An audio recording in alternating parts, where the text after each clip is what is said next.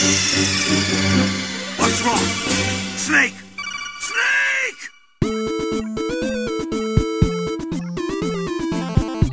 Cześć, jestem Krzysiek Ceran, a ponownie ze mną przy mikrofonie w tym samym pomieszczeniu, w jednym mieście siedzą Paweł Opydo Hej, dzień i dobry. Kamil Borek. Hej, I zapraszamy Was do kolejnego, czwartego już odcinka Gorących Krzeseł, e, najbardziej nieregularnego miesięcznika w historii podcastów. i o czym będziemy mówić? Porozmawiajmy sobie o EA. To takie brzydkie słowa, wiem.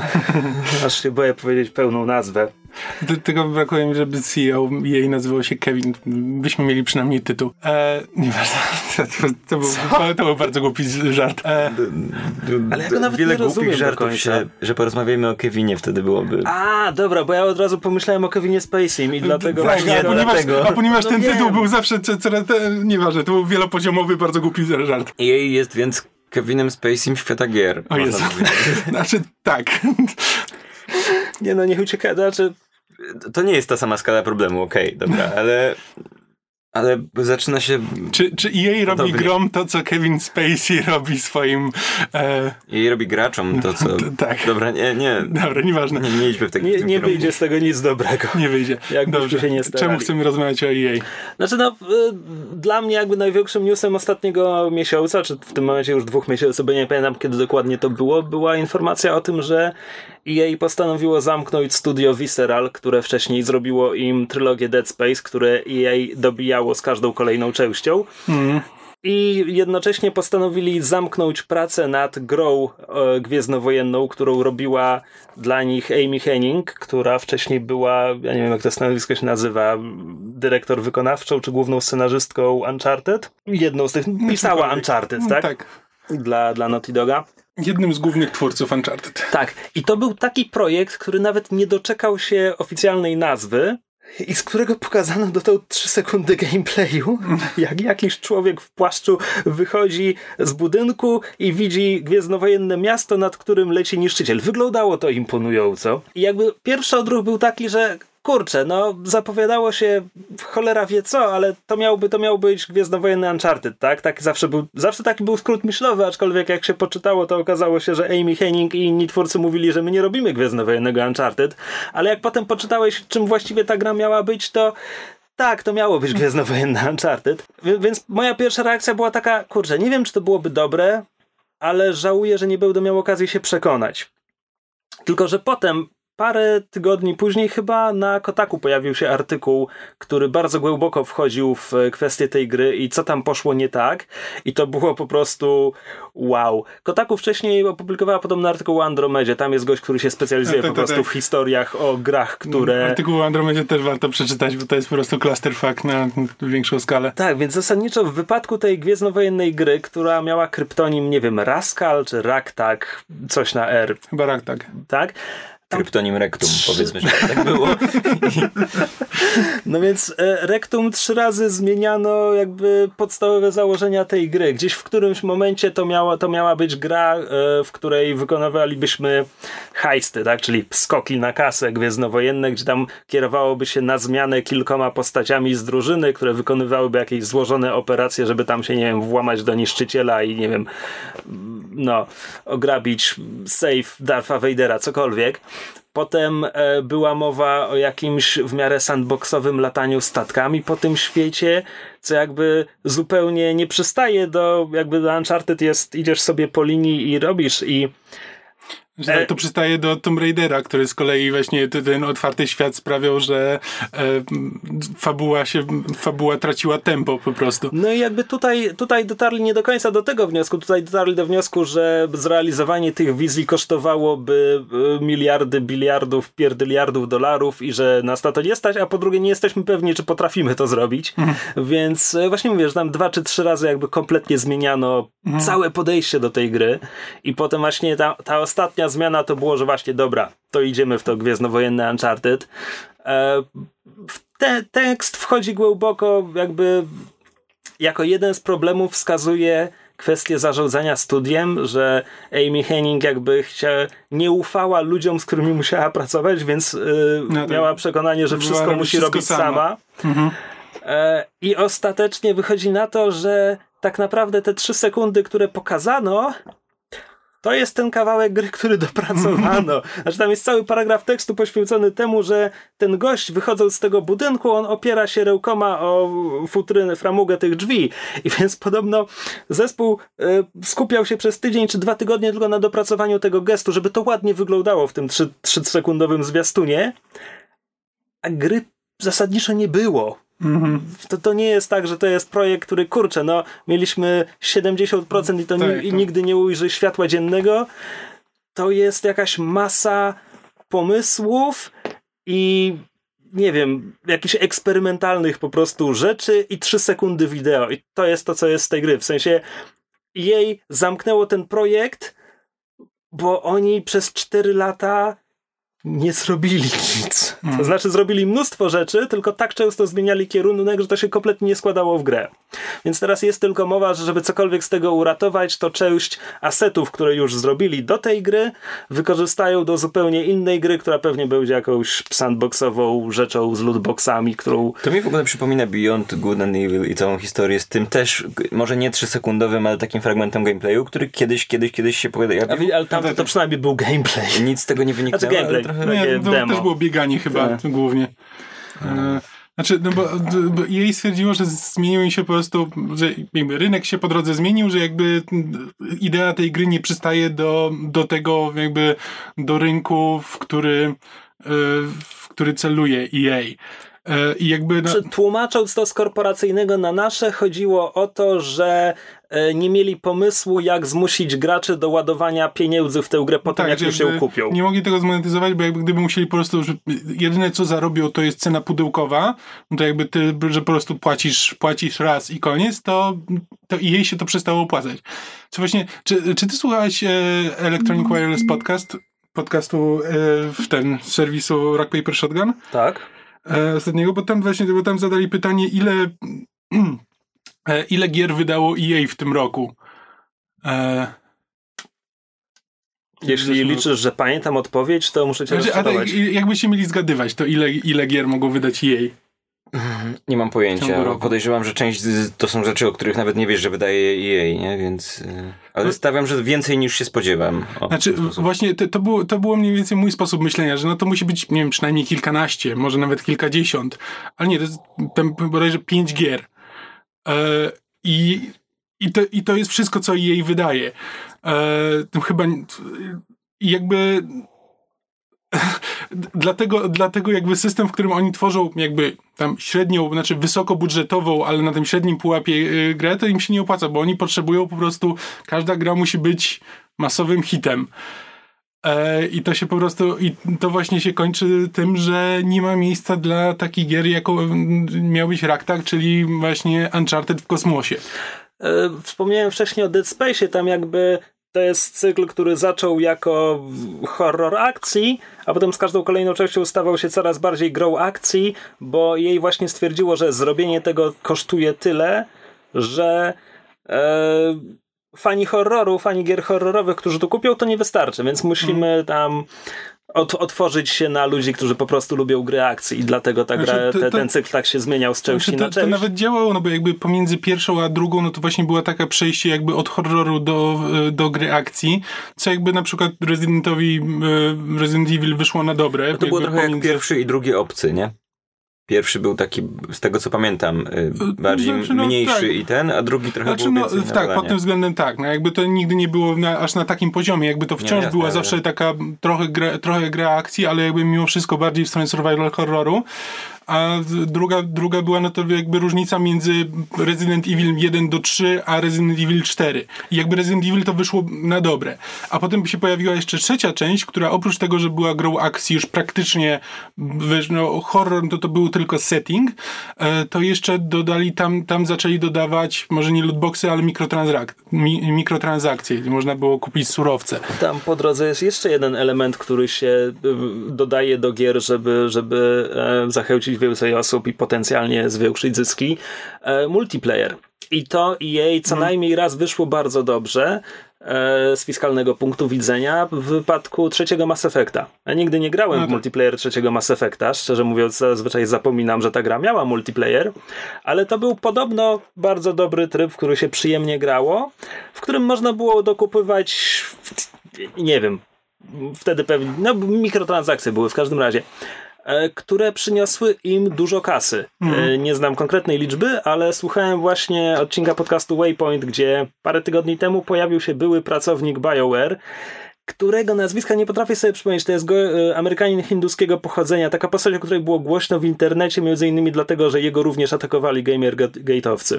E, w każdym razie on teraz założył własne studio indie i pali za sobą wszystkie mosty, jakie tylko może. Po prostu posłuchajcie tego odcinka. E, Waypoint Radio, odcinek 106.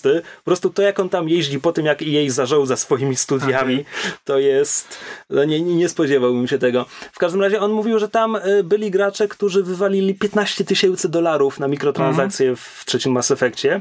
E, bo zresztą to się też rozciąga na, na gry freemium i tak dalej, e, że jasne, ktoś zazwyczaj ileś tam osób, jakiś procent po prostu w to sobie gra i nigdy nie, nie, nie wykona żadnej mikrotransakcji. Ileś osób kupi parę rzeczy za grosze i są tak zwane wieloryby, które sprawiają, że to wszystko jest opłacalne, bo właśnie będą walić tysiące dolarów w grę. Te, e, wiesz, e, teraz gra, na, komórce co jakiś czas tam sobie zmieniam, gram w jakąś e, głupią mobilną gierkę.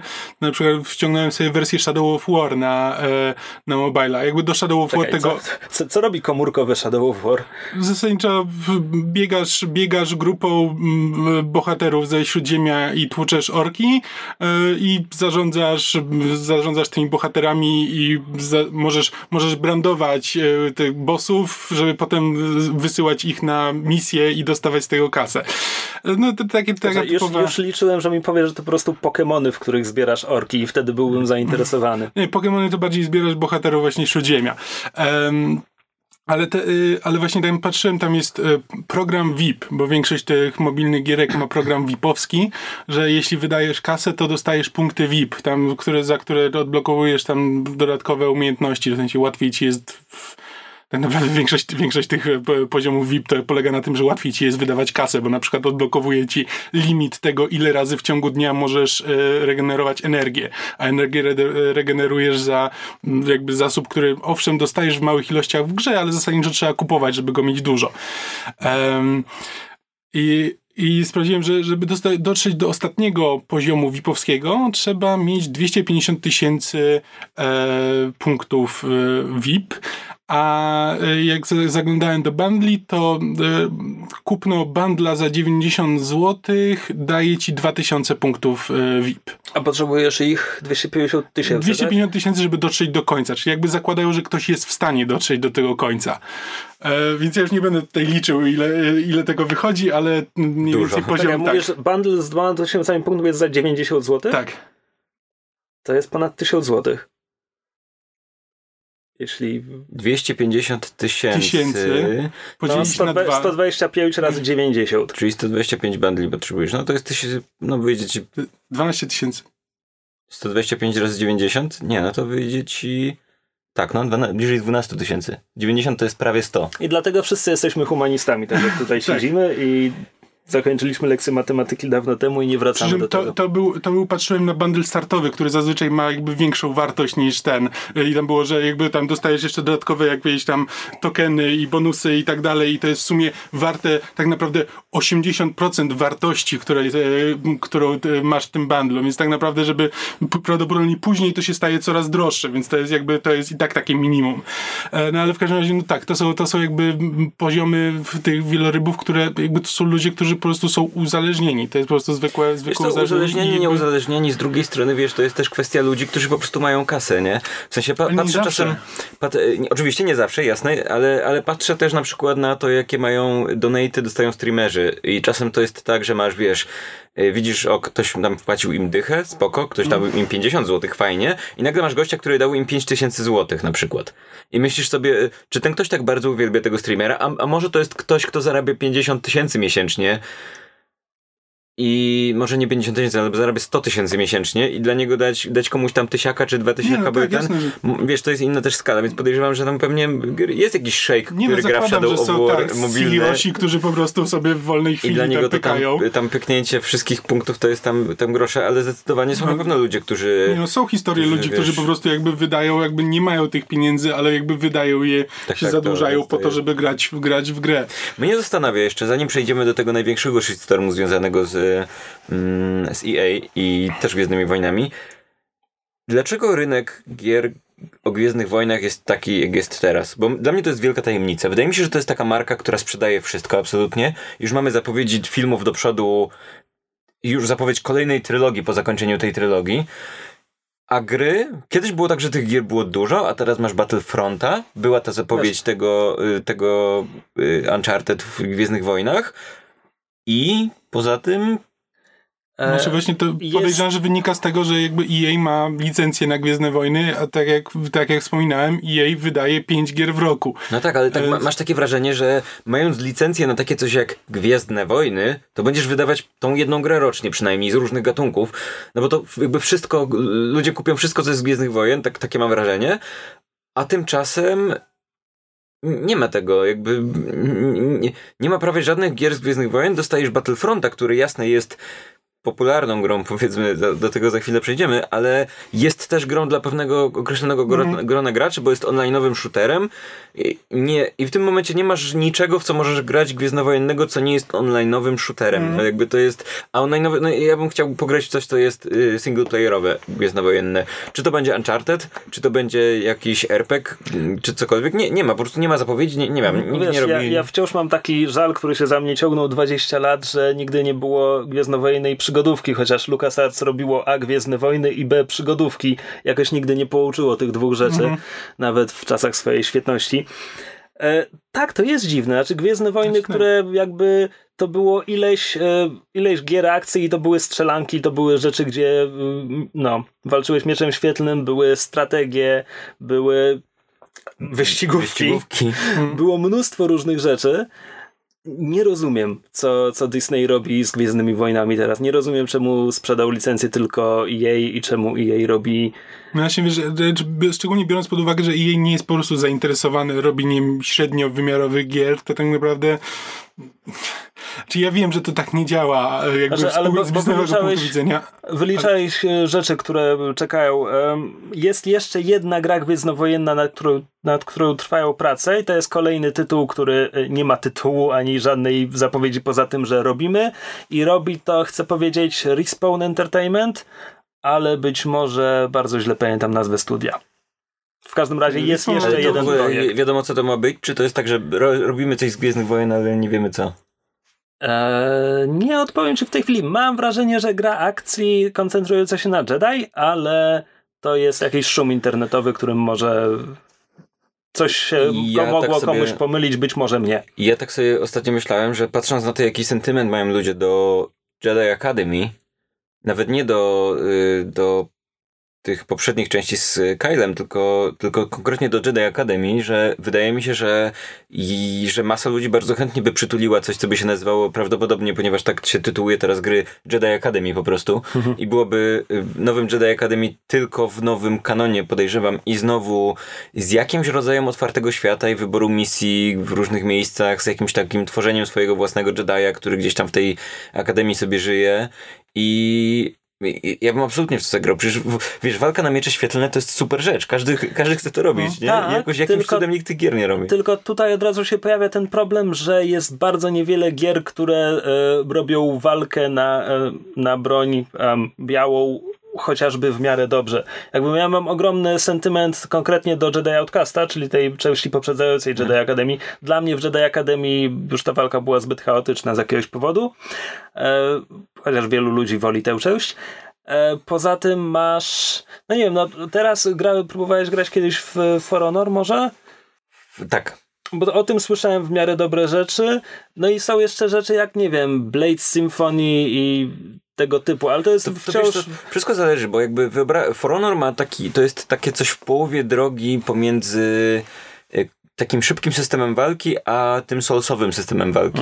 Ale to jest jednak mimo wszystko gra, w której, która polega na tym, że stajesz naprzeciwko z innym przeciwnikiem albo z dwoma i dość powoli wymieniacie ciosy. W sensie to jest bardziej, to jest bardziej walka na miecze świetlne, znaczy na, gdyby to była walka bardziej na miecze świetlne, to byłby to bardziej e, piąty epizod niż pierwszy epizod. Nie? Jasne. Więc zastanawiam się, czy, czy w grze fajniej by było właśnie takie coś, bardziej powoli, bardziej taka, taka strategiczna walka, yy, niż, czy, czy bardziej coś w rodzaju właśnie pierwszego epizodu, czyli takie właśnie, że sieczesz stu przeciwników na minutę skacząc i nad ich To głowami i tak było nie? Force Unleashed, jakby to był, to był slasher, prawda. tylko że to z kolei był slasher, gdzie masz miecz świetlny, który działa jak pałka, bo trzeba przeciwnika, wiesz, wrąbnąć 15 razy zanim padnie, e, więc iluzja, iluzja trochę się wali. E, biorąc pod uwagę, że teraz od, od paru lat, zwłaszcza, zwłaszcza na konsolach, e, są te wszystkie, no, e, te move controls, że masz, machasz, machasz sobie, nie wiem, pilotem A do właśnie, Wii czy jest czymkolwiek. że tam są gry o Gwiezdnych Wojnach, bo przecież są te gry wszystkie, że Tak, tam machasz mieczem jakby- czy coś. Tylko to jest niszowe, no. po pierwsze one są niszowe, a po drugie nie ma takiej, która dostałaby naprawdę dobre recenzje, że naprawdę sprzedaje ci tę... Znaczy, e, ja jeszcze wspomniałem o tym, bo ja po prostu nie, nie rozumiem, jakim cudem nikt jeszcze nie zrobił, e, wiesz, e, no, rebootu Die by the Sword na którąś z tych konsol, bo to by się sprawdziło idealnie. Nie wiem, czy pamiętacie grę Die by the Sword, ma pewnie zaledwie 25 lat, czy coś koło tego, ale grało się w niej rycerzem, którym się sterowało za pomocą, nie wiem, czterech przycisków, a jego prawą ręką sterowało się za pomocą joysticka lub myszki lub e, keypada na klawiaturze, bo było dziewięć przycisków kierunkowych wtedy, e, żeby machać jego ręką w górę, w dół, w lewo, w prawo i w ten sposób wyprowadzać ciosy. I było to piękne marzenie, które bardzo nie chciało działać. Znaczy ja po prostu się dziwię, że, no, nie, że Disney nie jest w stanie podsprzedać jeszcze tej licencji, jakby wiesz, że niech jej sobie wydaje duże gry, ale wiesz, ale na przykład dać jakiemuś studiu do robienia, wiesz, znaczy studiu, no bo to musieliby z wydawcą jakimś, no ale z- żeby Jezu, ja bym chciał, żeby Bethesda dostała licencję na Gwiezdne Wojny, bo Bethesda jest ostatnim studiem. Nie, nie Bethesda. Dlaczego? Dlaczego Bethesda? Co Bo, dobrego Bethesda, robi bo Bethesda? Jako wydawca, A, jako wydawca, dobra. Bethesda jako wydawca wydaje jako jedyny gry singleplayerowe, e, które, które są rzeczywiście singleplayerowe, a nie są, wiesz, dodatkiem do, do multiplayera. I w dodatku dobrze i to wychodzi. Jakby tak, nie pomijam Fallouty i Elder Scrollsy, ale, mm, ale jakby wszystkie te Wolfenstein, ten e, Wolfenstein, Dishonored i tak dalej, jakby właśnie wszystko, co robi Arkane, tam są dobre rzeczy. Mhm. Mm, Okej, ale jakby ostatecznie tak czy siak w związku z jeszcze inną grą Gwiezdnowojną, czyli Battlefrontem, to już EA d- jakby mocno główno uderzyło w wentylator w ciągu ostatnich dni, dni Mhm. dosłownie, jak tego, e, jak to nagrywamy. E, Mówimy oczywiście o grze Star Wars Battlefront 2 z roku 2017, żeby Tak. nie pomylić ją z grą Star Wars Battlefront 2 z roku 2005. Tak, to, to jest Star ta Wars gra, która ma albo nie ma dwukropka. Nigdy nie pamiętam, która... Ale różni- widzisz, Ta nie bo, ma, bo ja chciałem chyba. dzisiaj sprawdzić cenę tej gry, tej nowej gry, więc sobie wygooglałem. Nie, przepraszam, zanim zacząłem ją googlać, to wszedłem na Steam, bo ja zapomniałem, że EA ma swój Origin i gier EA nie ma No na tak. Steamie. Więc y, wstukuję Star Wars Battlefront 2 za 36 zł zaraz, co? Po czym doczytuję Star Wars Battlefront 2, nawias, Classic, przecinek, 2005, zamknąć nawias. Tak, więc mówimy o Star Wars Battlefront 2, tym, który, który jest piątą częścią tej gry, Chyba czwartą? albo czwartą. Nie, no było Nie, no, tylko jeden, dwa. dwa, były jeden, dwa, dwa, dwa te dobra. oryginalne i teraz druga... Z... Tak, który to, y, o, co, co, okazało się, że gra, która jest normalnie priceowana powiedzmy, czyli kosztuje pewnie 250 60 dolarów. 60 czyli dolarów, czyli około 215 250 zł. Tak. y, okazuje się, że w środku są mikropłatności i to nie są. Znaczy, okazuje się, to nie jest zaskakujące Mhm. szczególnie. Tylko problem polega na tym, że A, to są mikropłatności, które dają znaczącą przewagę w grze, bo trzeba odblokowywać postaci, żeby, y, żeby mm, nimi zagrać i można je kupić za dolary i można je kupić też za jakieś tam walutę wewnątrz gry i one dają niesamowitą przewagę. Po drugie, ceny w walucie z gry były jakby absolutnie zaporowe, to znaczy y, ktoś, kiedy, ktoś policzył w internecie, że żeby kupić wszystkie postaci w tej grze, to trzeba w nią grać 4,5 tysiąca godzin. Co jest więcej niż chciałbym grać w jakąkolwiek grę, Tak, kiedykolwiek albo wy, prawdopodobnie. wydać... kurde, za- Albo z, wydać chyba 2000 dolarów, Coś coś, coś takiego, takiego. tak.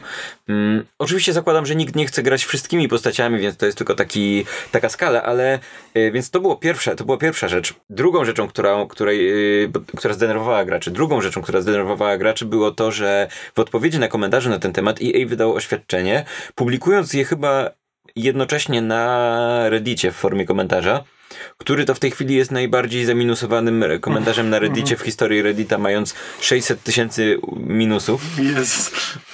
Jest to komentarz, w którym mówią, że te zaporowe ceny są dlatego, że oni chcą dać graczom wyzwanie, żeby gracze wiedzieli, żeby czuli, że to jest osiągnięcie, jak odblokują tę postać. To wszystko dla waszego To dobra. wszystko dla waszego dobra, będzie fajnie. To jakby gówno uderzyło Znaczy, w wentylator tak, bardzo. Na, meta, na Metacritic w tym momencie Star Wars Battlefront ma średnią ocenę od graczy 0,9, czyli poniżej Wow. 1 na 10. I, i w, to nie jest tak, że na Reddicie Star Wars czy na Reddicie Battlefronta jest y, shitstorm. Na jakiegokolwiek subreddita wejdziecie, to są tam memy związane z EA. Z, I to nawet nie związanego z, koniecznie z y, grami. Inne studia gier robią reklamy. Blizzard ostatnio wypuścił taką reklamę, że, że żeby odblokować wszystkie postaci w StarCraftie musisz zapłacić 0 złotych, czy tam 0 dolarów. Y, I jakby inne studia nawiązują do tej afery, robiąc promocję swoich gier. Wow. I naprawdę to jest tak, y, mam wrażenie, że to jest, to nie jest kwestia tego, że EA robi to po raz pierwszy, tylko mam wrażenie, że to jest kwestia tego, że to jest ta, że, że przekroczyli granicę i Tak, teraz się tu wydało to wszystko, co się... jakby w wizerunek EA, który jakby od lat ma wizerunek właśnie tego wydawcy, który ciśnie z graczy ile może. Znaczy, A i teraz to do, doszło do jeszcze, wiesz, a teraz mamy Star Warsy, w których jakby ludzie jakby z, z zasady są, y, są jakby w, w, tam, masz, tam masz super fanów Star Warsów i jeszcze jeśli ich próbujesz cisnąć, no to, no to koniec, to po prostu leżysz. Znaczy, dodajmy, dodajmy do tego, po pierwsze, to, to, jest, to jest jedna z moich ulubionych rzeczy sprzed, e, kiedy był, pojawił się poprzedni Battlefront dwa lata temu. W każdym razie po jego premierze John Boyega narzekał, że nie ma trybu single player, w sensie, że nie ma kampanii, więc jak ci, A właśnie, y, więc jak kampania- ci bohater filmu mówi w internecie, hej, następnym razem przyłóżcie się do tej gry, A wła- to Właśnie, jest bo, źle. bo nie wiem, czy słyszeliście, ile trwa kampania. E, Y, Cztery godziny, sześć godzin? Słyszałem o dwóch godzinach w ogóle, Naprawdę? że da się to przejść w dwie godziny kampania Dobra. single player. W, Ja, y, ja czytałem dzisiaj dwie recenzje, była mowa o 4 do 6, cokolwiek to znaczy. Może to ale jest tak, tak, jest, ale, to jest, ludzie- ale to jest standardowa długość kampanii z Battlefielda zasadniczo. Ja w Battlefield 1, to jest jedyny, którego, w którego grałem mocno, przeszedłem kampanię w 8-9 godzin, Tak? co, co było takim, przy tym ja grałem powoli, eksplorowałem to powiedzmy tak, y, ten, ale, ale nie czułem, że to jest mały dodatek do gry, która jest głównie online. Znaczy, nie wiem- mam nie wiem, jest trzecim, chyba, dodatek. w trzecim była chyba jakoś tak zabójczo krótka. Nie wiem, ile jest eksplorowania w Battlefroncie drugim, ponieważ w jednej z recenzji była wzmianka o tym, że e, w, w kampanii singleplayerowej możesz znaleźć tam skrzynki z tą walutą gry, żeby potem odblokowywać sobie rzeczy do multiplayera, tylko że e, jak, jak zaczynasz szukać tych skrzynek, to co chwila natykasz się na informację opuszczasz teren misji, wraca i masz 10 sekund, więc tam no to jest kampania singleplayerowa współczesnej strzelanki. Idziesz korytarzami. Mhm. E, Natomiast ostatecznie EA wielkopańskim gestem postanowiło wyjść graczom naprzeciw, więc Luke Skywalker do odblokowania miał kosztować 60 tysięcy waluty gry, a teraz kosztuje tylko 15 tysięcy, więc znajcie łaskę. Tak, tak. Znaczy to jest właśnie tak mm, typowe po prostu dla korporacji na zasadzie to jest tu macie coś strasznego. Nie, nie, nie róbcie nam tego. Dobra, tu macie coś po prostu bardzo złego.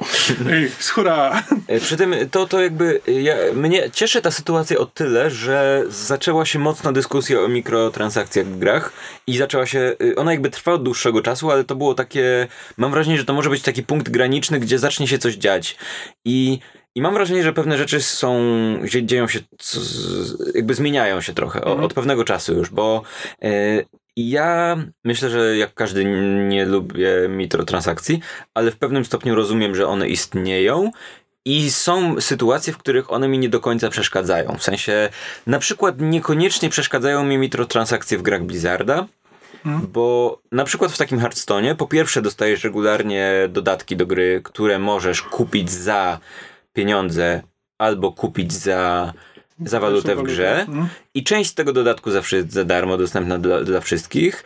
Po drugie, możesz kupić paczki z kartami, ale te paczki z kartami możesz kupić zarówno za walutę z gry i za pieniądze, przy tym za walutę z gry one nie kosztują dużo. To znaczy jasne, jesteś w stanie oczywiście i nie dają ci jakby, te za walutę nie dają ci nic specjalnego, no to jest tak trochę jak... Mm, Czy z- przyspieszasz po prostu grę zamiast po Trochę prostu tak, przy tym to jest. przewagę. Przy tym ja tutaj widzę takie, no jak grałem w Magic the Gathering, to też mogłem iść do sklepu i kupić paczki, a mogłem też się wymieniać No tak. kartami z ludźmi a, i, i aż, aż gdzieś tam dostanę jakieś lepsze i Tyle. śledzić rynek. I to trochę jest to samo. Możesz dużo grać i dostawać za to i kupować te, te No, karty, w albo karciance możesz... no to jest jakby Tak. sankcjonowany tym, że tak wyglądają karcianki. Tak, na to, to nie jest jakieś takie bardzo bolesne. W Heroes of the Storm też masz możliwość kupienia postaci sobie, kolejnej, ale masz możliwość też jej odblokowania za relatywnie niewielką ilość y, punktów w grze. Plus ostatnio Blizzard przerobił ten cały swój system na to, żeby właśnie być, był bardziej przyjazny dla graczy, bo wcześniej było tak, że były skiny, które były na przykład do kupienia tylko za walutę z gry, znaczy za, tylko za pieniądze i trzeba było po prostu za niego zapłacić 5 dolarów za skina do postaci, co było i tak niezłe, bo to jest tylko kosmetyczna rzecz, nie daje ci żadnej przewagi. A teraz jest tak, że te skiny możesz kupić za walutę, która jest w grze, ale tę walutę możesz kupić za dolary, ale możesz ją też y, zyskać rozkładając inne przedmioty. Mhm. Więc po prostu jeżeli chcesz, to możesz tą walutę zdobywać po No prostu tak. grając, dostając przedmioty, rozwalając je i dostawając inne przedmioty i, i to jest całkiem sprawnie idzie. W sensie możesz tym spokojnie... główna różnica jest taka, że jakby Hearthstone i Heroes of the Storm to są gry darmowe. E, Tak, I jakby tak, też jedyny, jest jedyny inna sposób zarabiania no to jest właśnie to, że w- możesz kupować e, w- jakby przedmioty, które są tak naprawdę tylko czysto kosmetyczne, no i postaci, które No ale przede wszystkim masz też ten taki, takie coś, że nie czujesz, że jak nie płacisz, to jesteś, to, to jesteś gorszy od No tak, jakby możesz grać i spokojnie możesz jakby grać na tym samym poziomie W co inni, jest tylko po też, prostu masz e, mniejsze Możliwości. jest też rotacja bohaterów, która polega na tym, że chyba czterech albo pięciu bohaterów jest zawsze za darmo dla wszystkich w ciągu co tydzień, więc możesz sobie tych bohaterów popróbować, więc tak naprawdę możesz w ogóle nie wydawać ani waluty z gry, ani, y, ani pieniędzy i po prostu grać co tydzień masz pięć postaci do wyboru zamiast stu tam czy coś Mhm. takiego, nie? Więc, y, ale możesz jakby grać w to sobie casualowo i, i mieć to, to gdzieś.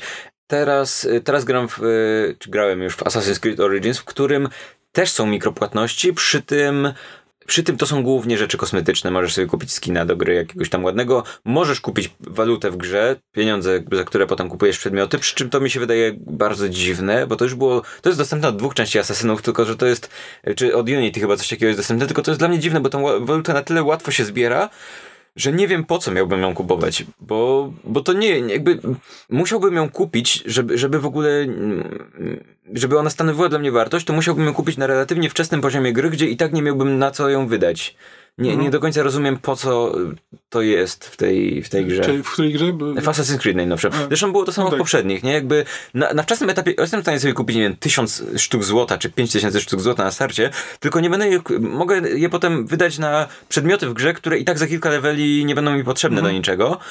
A żeby później te 5 tysięcy było dla mnie e, znaczącą wartością, żebym ich potrzebował, to musiałbym naprawdę źle zarządzać Mhm. finansami w grze i naprawdę źle grać, żeby nie mieć pieniędzy. Musiałbym, nie wiem, nie podnosić przedmiotów, żeby je i ich nie sprzedawać, żeby nie mieć tych 5 tysięcy.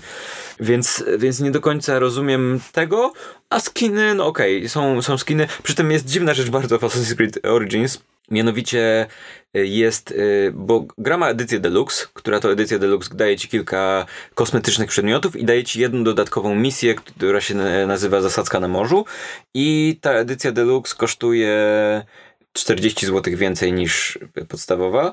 Ale możesz sobie te dodatki kupić niezależnie. Jeżeli masz podstawową i chcesz sobie Mhm. kupić tę misję, to spoko. Tylko, że okazało się, że edycja Deluxe psuje grę graczom. Jakby jak przejdziesz tą misję, która jest dodatkowa, to znikają ci wszystkie przedmioty z ekwipunku, o ile pamiętam. I y, oni w ten sposób załatali tego baga, że wyłączyli tą misję, ale nie usunęli jej ze sklepu. Co oznacza, że możesz kupić misję, która jest wyłączona w grze. wow. Możesz zapłacić za misję, której nie ma. Nie, nie masz możliwości w nią Mhm, Spoko, zagrania. Już teraz jest zapowiedziany, y, w momencie jak to nagrywamy, wydaje mi się, że po tygodniu przerwy wychodzi dziś chyba patch, w którym ta misja wraca, ale jeżeli w ciągu ostatniego tygodnia ktoś kupił tę misję, to po prostu jej nie miał. Kupił Mhm. misję, której dostaniesz ją za tydzień, nie? I... Mm, no ale Słuchaj, to wszystko są rzeczy, które... Ludzie kupują gry w przedsprzedaży, tak? Tak, to prawda. Y, To są wszystko takie rzeczy, które mimo wszystko nie są aż tak szokujące jak Battlefront 2, gdzie faktycznie jakby jak nie zapłacisz tych dodatkowych pieniędzy, to jak ktoś je zapłaci, to ten ktoś wygrywa po prostu i koniec. Nie, nie ma nie ma że dyskusji, nie? Mój ulubiony nagłówek z prasy komputerowej z ostatniej doby czy dwóch. Um, Belgia zastanawia się, czy Battlefront 2 i Overwatch nie powinny zostać obłożone obostrzeniami dotyczącymi gier hazardowych ze względu na lootboxy. Mm. Mhm. Znaczy właśnie te same lootboxy, e, lootboxy, e, lootboxy są w tym, e, w Shadow of War, o którym też będę jakby w tym, tym później, później mówił jakoś dogłębniej, ale ta, tam na przykład ta, tam jest to samo, gdzie jakby przez całą grę nie miałem ani razu taki, wiesz, takiego poczucia, że cholera, przydałby mi się teraz jakiś, przydałaby mi się jakiś dodatkowy lootbox, bo, bo, bo, bo nie wiem, bo tutaj jest za trudno, albo że czegoś mi brakuje i muszę, muszę zacząć grindować, żeby to dostać. Jakby zupełnie, zupełnie nie czułem e, właściwie po cholery ja miałbym kupować te lootboxy. Czyli po prostu autentycznie nie rozumiem w, w, w którym momencie miałbym je kupić i po co, żeby mi, żeby mi pomogły. Ja po, powiem wam coś śmiesznego, to znaczy ja kupiłem y, rozszerzenie do Assassin's Creed, to rozszerzające do edycji Deluxe, y, mimo że wiedziałem, że no, tam jest jedna misja, która pewnie trwa 15 minut i skin do postaci, który nie jest jakiś bardzo, bardzo ładny, ale kupiłem to dlatego, że ja dostałem edycję prasową tej gry i miałem takie poczucie, że ja bardzo chcę, żeby ta gra zarobiła pieniądze i żeby oni potem, żeby, żeby Ubisoft uznał, że to jest dobry kierunek, y, a potem jak Watch Dogs 2 wyszło i niezbyt dobrze zarobiło, mimo że uważam, że było świetnym kierunkiem, jeżeli chodzi Mhm. o rozwój tej serii, to stwierdziłem, że ja chociaż kupię sobie ten, to rozszerzenie do tej edycji Deluxe, żeby oni, żeby do, dołożyć się na to. Całe szczęście okazało się, że Assassin's Creed Origins zarabia jakieś niesamowite pieniądze, więc, Mhm. y, więc y, być może Ubisoft uzna, że może nie warto wydawać gry co pół roku, tylko co dwa lata, ale zrobić ją dobrze, Hmm. y, więc, Przydałoby się. więc byłoby miło. Czy chcemy jakoś to podsumować poza takim ogólnym stwierdzeniem, że EA jest wielkim szatanem Znaczy, gier ja na przykład nie, nie mam teoretycznie nic, znaczy nie jest to, że nie mam nic przeciwko lootboxom, jakby pogodziłem się z tym, że jakby są że tego się, tego się nie cofnie. I jeśli to na przykład ma wyglądać tak jak e, właśnie w Shadow of War, czy tak z tego co mówisz, jak w Assassinie, gdzie to jest jakby co, że, szczególnie, w Shadow of War jakby jedyny moment, w którym y, możesz zacząć myśleć o kupowaniu lootboxów jakby w miarę poważnie, to jest tak zwany czwarty akt, który jest zasadniczo już tym aktem, gdzie skończyłeś historię, a teraz się bawisz po prostu systemami, które są w grze. E, jakby i możesz ty się tym bawić już po prostu wiele godzin i po prostu, i po prostu wracać do tej gry, bo, bo, bo po prostu podoba ci się walka, walka z orkami. I to jest jakby już dla tych ludzi, którzy po prostu są na tyle zajarani tą grą, że są w stanie poświęcić jej więcej niż te kilkadziesiąt godzin, które wymaga podstawowa kampania i chcą przy niej spędzić więcej czasu, no to okej, to, to, to jakby można dorzucić też twórcom że, za to, że no, zrobili tak fajną grę, że grasz w nią już setną godzinę i, yy, i się nie nudzisz. No to mm, okej, no spoko, jakby jestem w stanie zrozumieć i jeśli to jest cena, którą musimy zapłacić za to, żeby powstawały w miarę porządne gry singleplayerowe, no to, no to jakby jestem gotów się z tym pogodzić. Byleby to właśnie było na zasadzie, że nie, nie, nie czuję, że gra po prostu próbuje, próbuje y, mnie na każdym kroku zmusić do tego, żebym coś, coś od niej kupił, bo inaczej, bo inaczej będę grał w to, wiesz, y, będę musiał grindować i tak dalej, i tak dalej. E, Mnie cieszy ta cała sytuacja, dlatego że wydaje mi się, że, że może mocno ruszyć dyskusja na ten temat. Mm. I dyskusja już trochę ruszyła po Wiedźminie. Dlatego, że Wiedźmin dał dwa dość duże dodatki, znaczy dość duże. Mm, Krew i wino jest bardzo dużym dodatkiem. dwa tak naprawdę na, w, wtedy na standardy to były ogromne dodatki, bo wcześniej Mm. za podobne kwoty dało się kupić zestaw zbroi dla konia Mm. i miecz w, tej samej cenie co dodatki do Wiedźmina i wcześniej w ogóle był, był taki moment, gdzie jakby do, dodatki do gier fabularne odeszły trochę na rzecz mikropłatności w rodzaju możesz sobie tam za 10 zł kupić jakieś takie dodatkowe drobne rzeczy, takich, Mhm. takich naprawdę bzdurek, a teraz zaczyna być tak, że no wyszedł mm, teraz wyszedł do Horizon Zero Dawn dodatek, który jest bardzo duży i w ogóle jest podobno fabularnie lepszy niż podstawka. Yy, Do Assassin's Creed są zapowiedziane dwa duże dodatki i to faktycznie mają być dodatki na kilkanaście dodatkowych godzin grania. Mhm. Yy, Czyli jakby trochę wraca, mam wrażenie, moda na robienie dodatków do gier, które są, to nie są trzy dodatkowe misje za 15 zł, tylko faktycznie coś, co jest jakąś dalszą historią i jest coś, jest jakby w miarę dopracowane, więc to jest fajne. A teraz jeszcze to uderzenie w EA, czuję, że to może być tak, że faktycznie zacznie się o tym głośno rozmawiać, bo to naprawdę ta sprawa jest no, wejdźcie na jakikolwiek serwis o grach w tym momencie. Jakby EA jest na, wszędzie na szczytach i i może z tego wyjdzie paradoksalnie coś dobrego, może nie dla EA, ale może branża y, stwierdzi, że no trochę przegięliśmy i że może warto by zrobić dwa kroki do tyłu i zastanowić się, że może to nie jest najlepsze Hmm? y, Jak, to robić, żeby, jak to robić, żeby nie wkurzać graczy? Hurra, może wrócimy do standardów sprzed 15 lat. Tak, Sukces. tak, byłoby miło. Tylko, że z drugiej strony EA ma złą prasę od zawsze. Parę lat temu oni wygrali sondaż na najgorszą korporację na świecie. Sondaż, w którym konkurowali z firmami wycinającymi Puszczę Amazońską i zatruwającymi wodę gdzieś w trzecim świecie. Tak, ale wiesz, to jest tak, y, z drugiej strony, ile sytuacji zbierało się przez lata i dopóki nie pękły. Jakby nawet nie chcę podawać przykładów sp- społecznych, żeby nie zaczynać tej dyskusji, którą zaczęliśmy przez przypadek na początku nagrania, Y, ale są takie momenty, że po prostu, wiesz, coś, wiesz o czymś od dawna, dawna, dawna, ale w pewnym momencie zaczyna, pojawia się to pęknięcie tamy i Tak, myślę, tylko że to może To jebnąć wszystko mocno. zależy od tego, Jasne. czy musimy sprawdzić, jak się będzie sprzedawał Battlefront i jak będzie zarabiał na tych mikro, mikropłatnościach, bo jeśli będzie zarabiał mimo całego tego szumu, no to nic się nie zmieni, bo jakby EA już dawno ma taką, że jakby nie może mieć gorszej reputacji, więc właściwie czemu miałoby się bardziej starać, jeśli to wciąż zarabia? Nie da się po prostu tutaj tego inaczej Mhm. rozwiązać niż po prostu nie, nie kupując, no. Ponieważ ja nie lubię kończyć dyskusji optymistycznym akcentem, więc tylko wspomnę, że pamiętajcie, jak Bethesda została wyśmiana za zbroję dla konia y, jako dodatek do, co to było, Oblivion. To jest standard współcześnie w tym biznesie. Tak. Dobra, ale przejdźmy do omawiania jakichś gier, które zagraliśmy dla odmiany.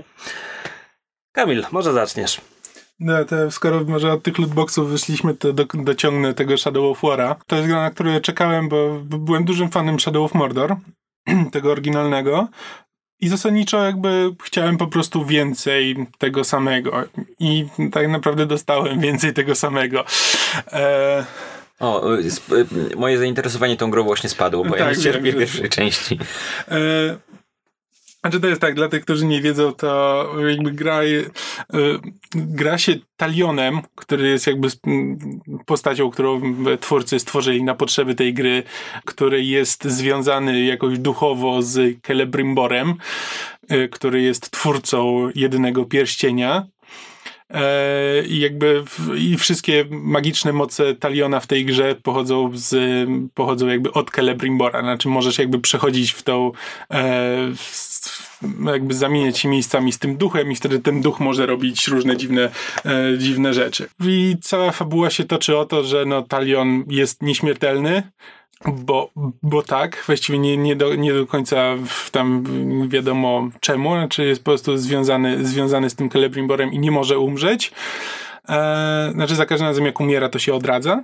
A na dodatek jest bohaterem gier kompu- gry komputerowej, więc zabijają mu rodzinę i on się mści. Oczywiście, tak. Więc zasadniczo chodzi o to, że próbujesz się mścić na y, w sługach Saurona, a teraz a jakby y, Shadow of War zaczyna się jakby dokładnie w tym momencie, w którym się kończył y, Shadow of Mordor. A Shadow of Mordor mo- kończył się w momencie, kiedy Talion i Celebrimbor y, dochodzą do wniosku, że trzeba wykuć kolejny pierścień. E, I tworzą, tak, i tworzą e, nowy, nowy pierścień, który tam potem Szeloba, która w tej grze jest kobietą, która potrafi zamieniać się w pająka i to jeszcze knującą e, różne intrygi kobietą, która zamienia się w pająka, co jakby jak ktoś widział film, to widać jak bardzo e, ile intelektu w tym, w tym pająku e, się ten widać, e, widać w walce z, z Frodem. To jest kompletny fanfic. To, to jest absolutnie, znaczy szczególnie, że on... Ja, Tak, ale w tym momencie jestem oburzony na ciebie, że powiedziałeś, jeśli ktoś widział film, a nie jeśli ktoś czytał książkę. Znaczy, ja nie pamiętam, jak w książce była opisana walka z Szelobą. Była E, wielkim, plującym jadem pająkiem. znaczy, wiesz, no, może być wielkim, trującym jadem pająkiem. Jeśli ten pająk wykazuje się jakąś inteligencją w tej walce, no to jeszcze to nie jest, to można to podciągnąć, ale jakby w filmie widać, że to jest pająk, który po prostu wali bezmyślnie w Froda.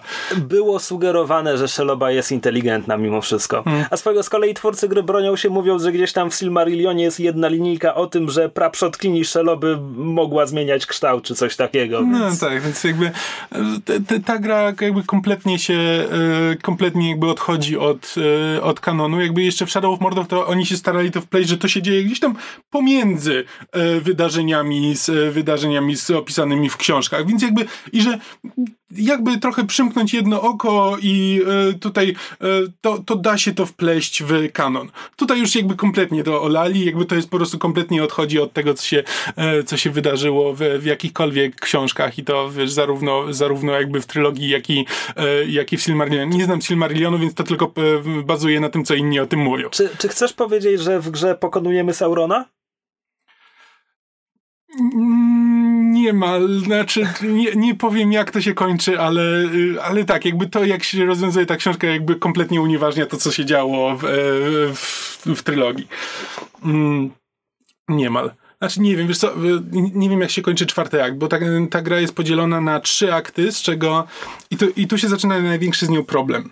Bo pierwszy akt to jest zaczyna od tego, że właśnie wykuwacie e, pierścień, a ale Szeloba go kradnie? Chyba już w tym pierwszym akcie w każdym razie zasadniczo zaczynasz tą grę z mniejszymi umiejętnościami niż miałeś e, w Shadow of Mordor, niż miałeś w pierwszej grze. E, Tutaj też musisz rozegrać ćwierć gry, zanim w ogóle dostaniesz umiejętność opełtowania orków? Znaczy, e, tak, na, jakby w pierwszym akcie, znaczy nie, nie no, na ćwierć, tak, bo gra jest podzielona na cztery akty. W pierwszym akcie e, nie możesz jeszcze dominować. W pierwszym akcie tylko pokonujesz. E, pokonujesz orków i musisz, e, jakby próbujesz bronić Minas Ithil przed, przed armią orków. I ta, więc tak, jakby od razu gra ci zabiera to, co było najfajniejsze, to na co najbardziej liczyłem i jakby muszę wrócić i jakby odpracować, odpracować to, żeby wrócić do, e, do tego, co, co było najfajniejsze w tej grze, czyli właśnie e, przejmowanie orków na swoją stronę i tworzenie, i tworzenie własnej armii. Bo jakby kapitanów tych orków możesz przejmować na, na swoją stronę, że zwykłych orków w trakcie walki też, ale jak przyjmiesz kapitanów, to możesz im wydawać rozkazy i możesz na przykład y, wydać rozkaz, żeby jeden zwalczył z innym, y, żeby z, albo żeby został jego, y, jego ochroniarzem, bo wtedy jak będziesz z nim walczył, to możesz go zmusić do tego, żeby on zdradził wtedy tego swojego orka, którego on ochrania jakby możesz, możesz tworzyć takie, takie sytuacje, w których jakby ułatwiasz sobie później walkę z mocniejszymi przeciwnikami poprzez przejmowanie tych, tych słabszych. Powiedziałeś Minas Ithil. Chodziło ci o Minas Tirith, czy chodziło ci o Minas Ithil? Chodziło mi o Minas Ithil. Okej, okay, timeline tej gry nie ma sensu w odniesieniu, bo wiem, że tam się pojawia Golum, a Minas Ithil upadła zanim istniał Golum. A Minas Ithil upada w tej grze. Aha, okej, okay, czyli w tej grze mija tysiąc lat? Czy... Nie, po prostu Minas Ithil tam, z, znaczy, spoiler, Minas Ithil zostaje pod koniec pierwszego aktu przejęte przez Nazgulę i wtedy zmienia się w Minas Morgul. No tak, ale no, dobra, nieważne.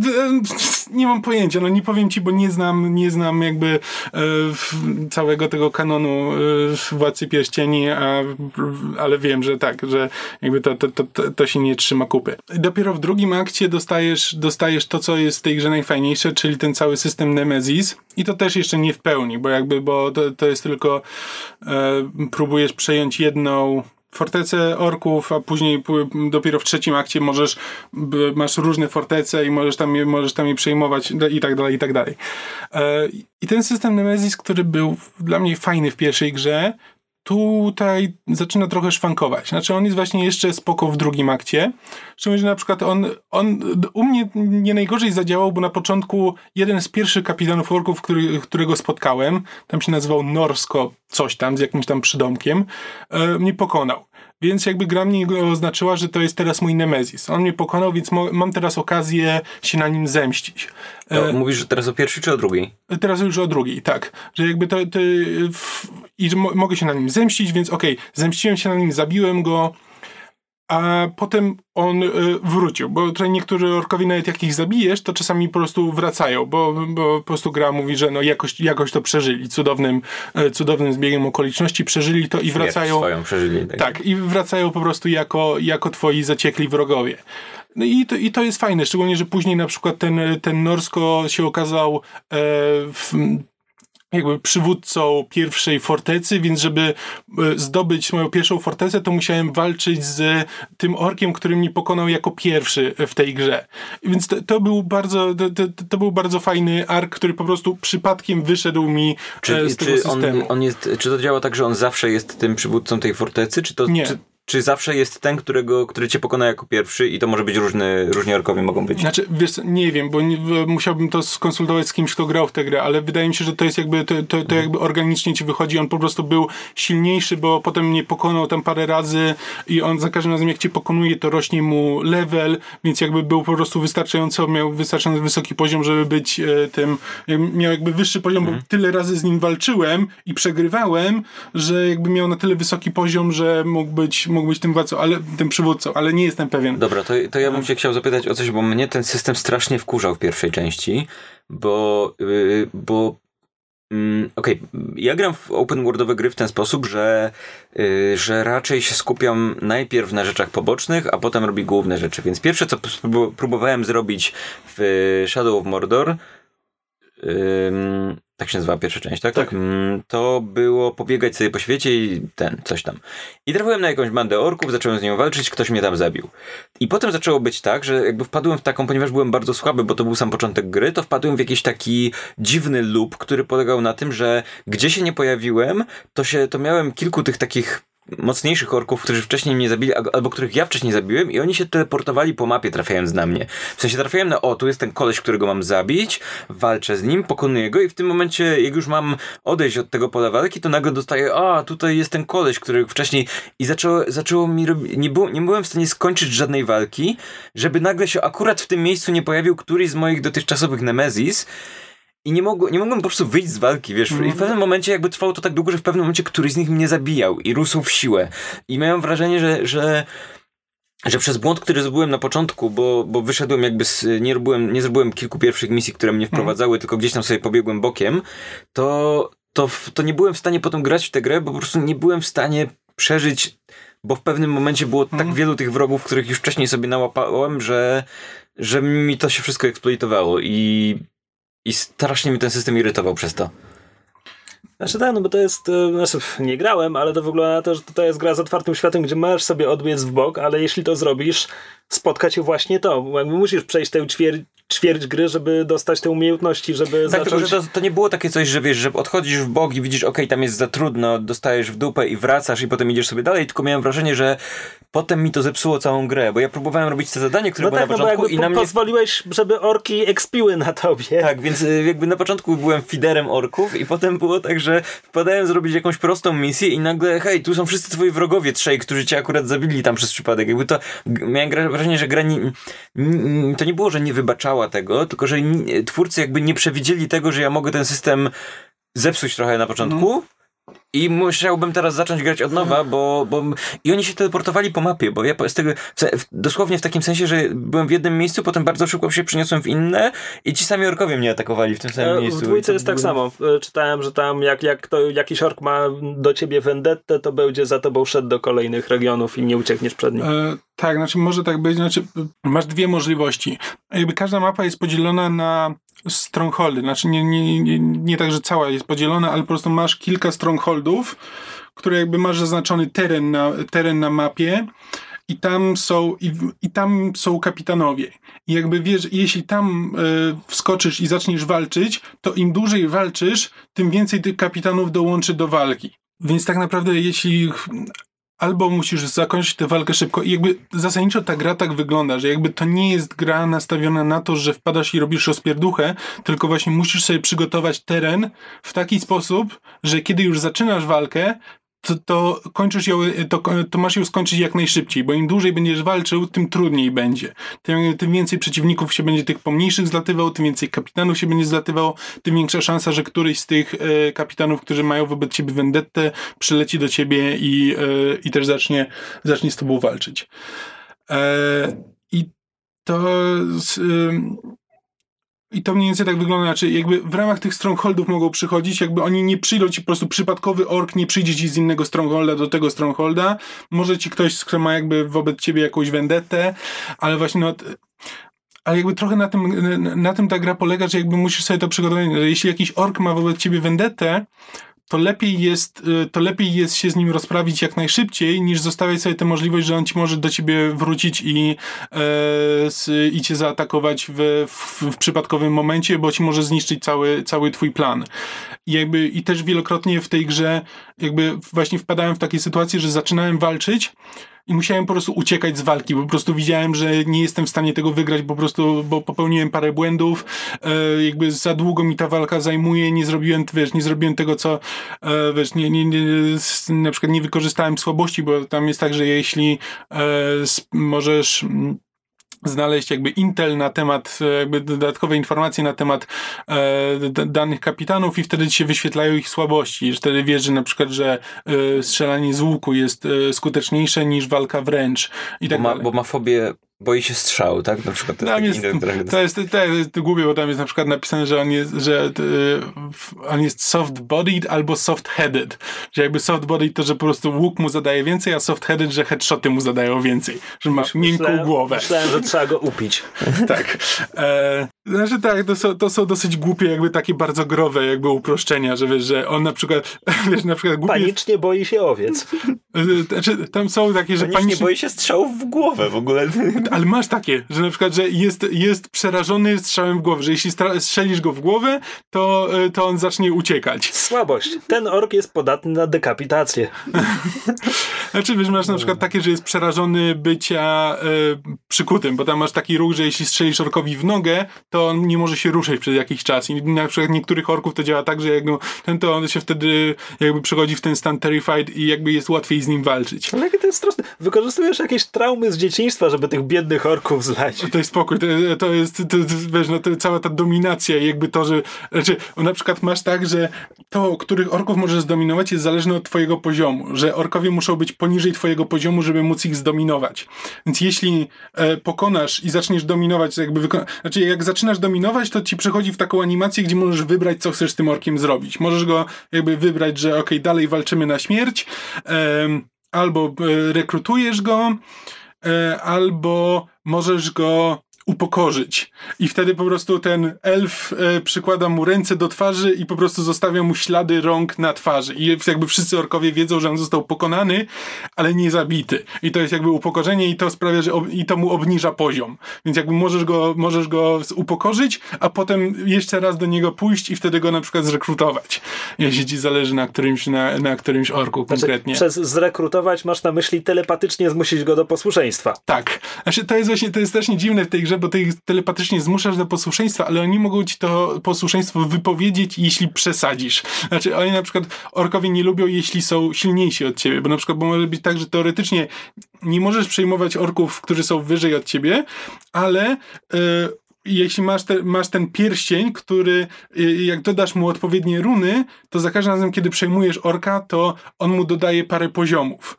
Czyli na przykład jeśli wy, z, z, przejmiesz orka, który jest na twoim poziomie i dodasz mu wtedy parę, po, parę poziomów, to on jest silniejszy od ciebie i jest wtedy duża szansa, że on cię zdradzi, bo po prostu bo nie chce przy, służyć panu, który jest y, słabszy od niego. Okej, mam pytanie, bo zasadniczo ta gra to jest gra akcji z elementami RPG, z walką zapożyczoną z Batmanów, Rocksteady i tak dalej. Dobra. Ale jak zaczynasz opowiadać o tych wszystkich orkach i tak dalej, to zaczyna brzmieć jakbyś mi opisywał Football Manager.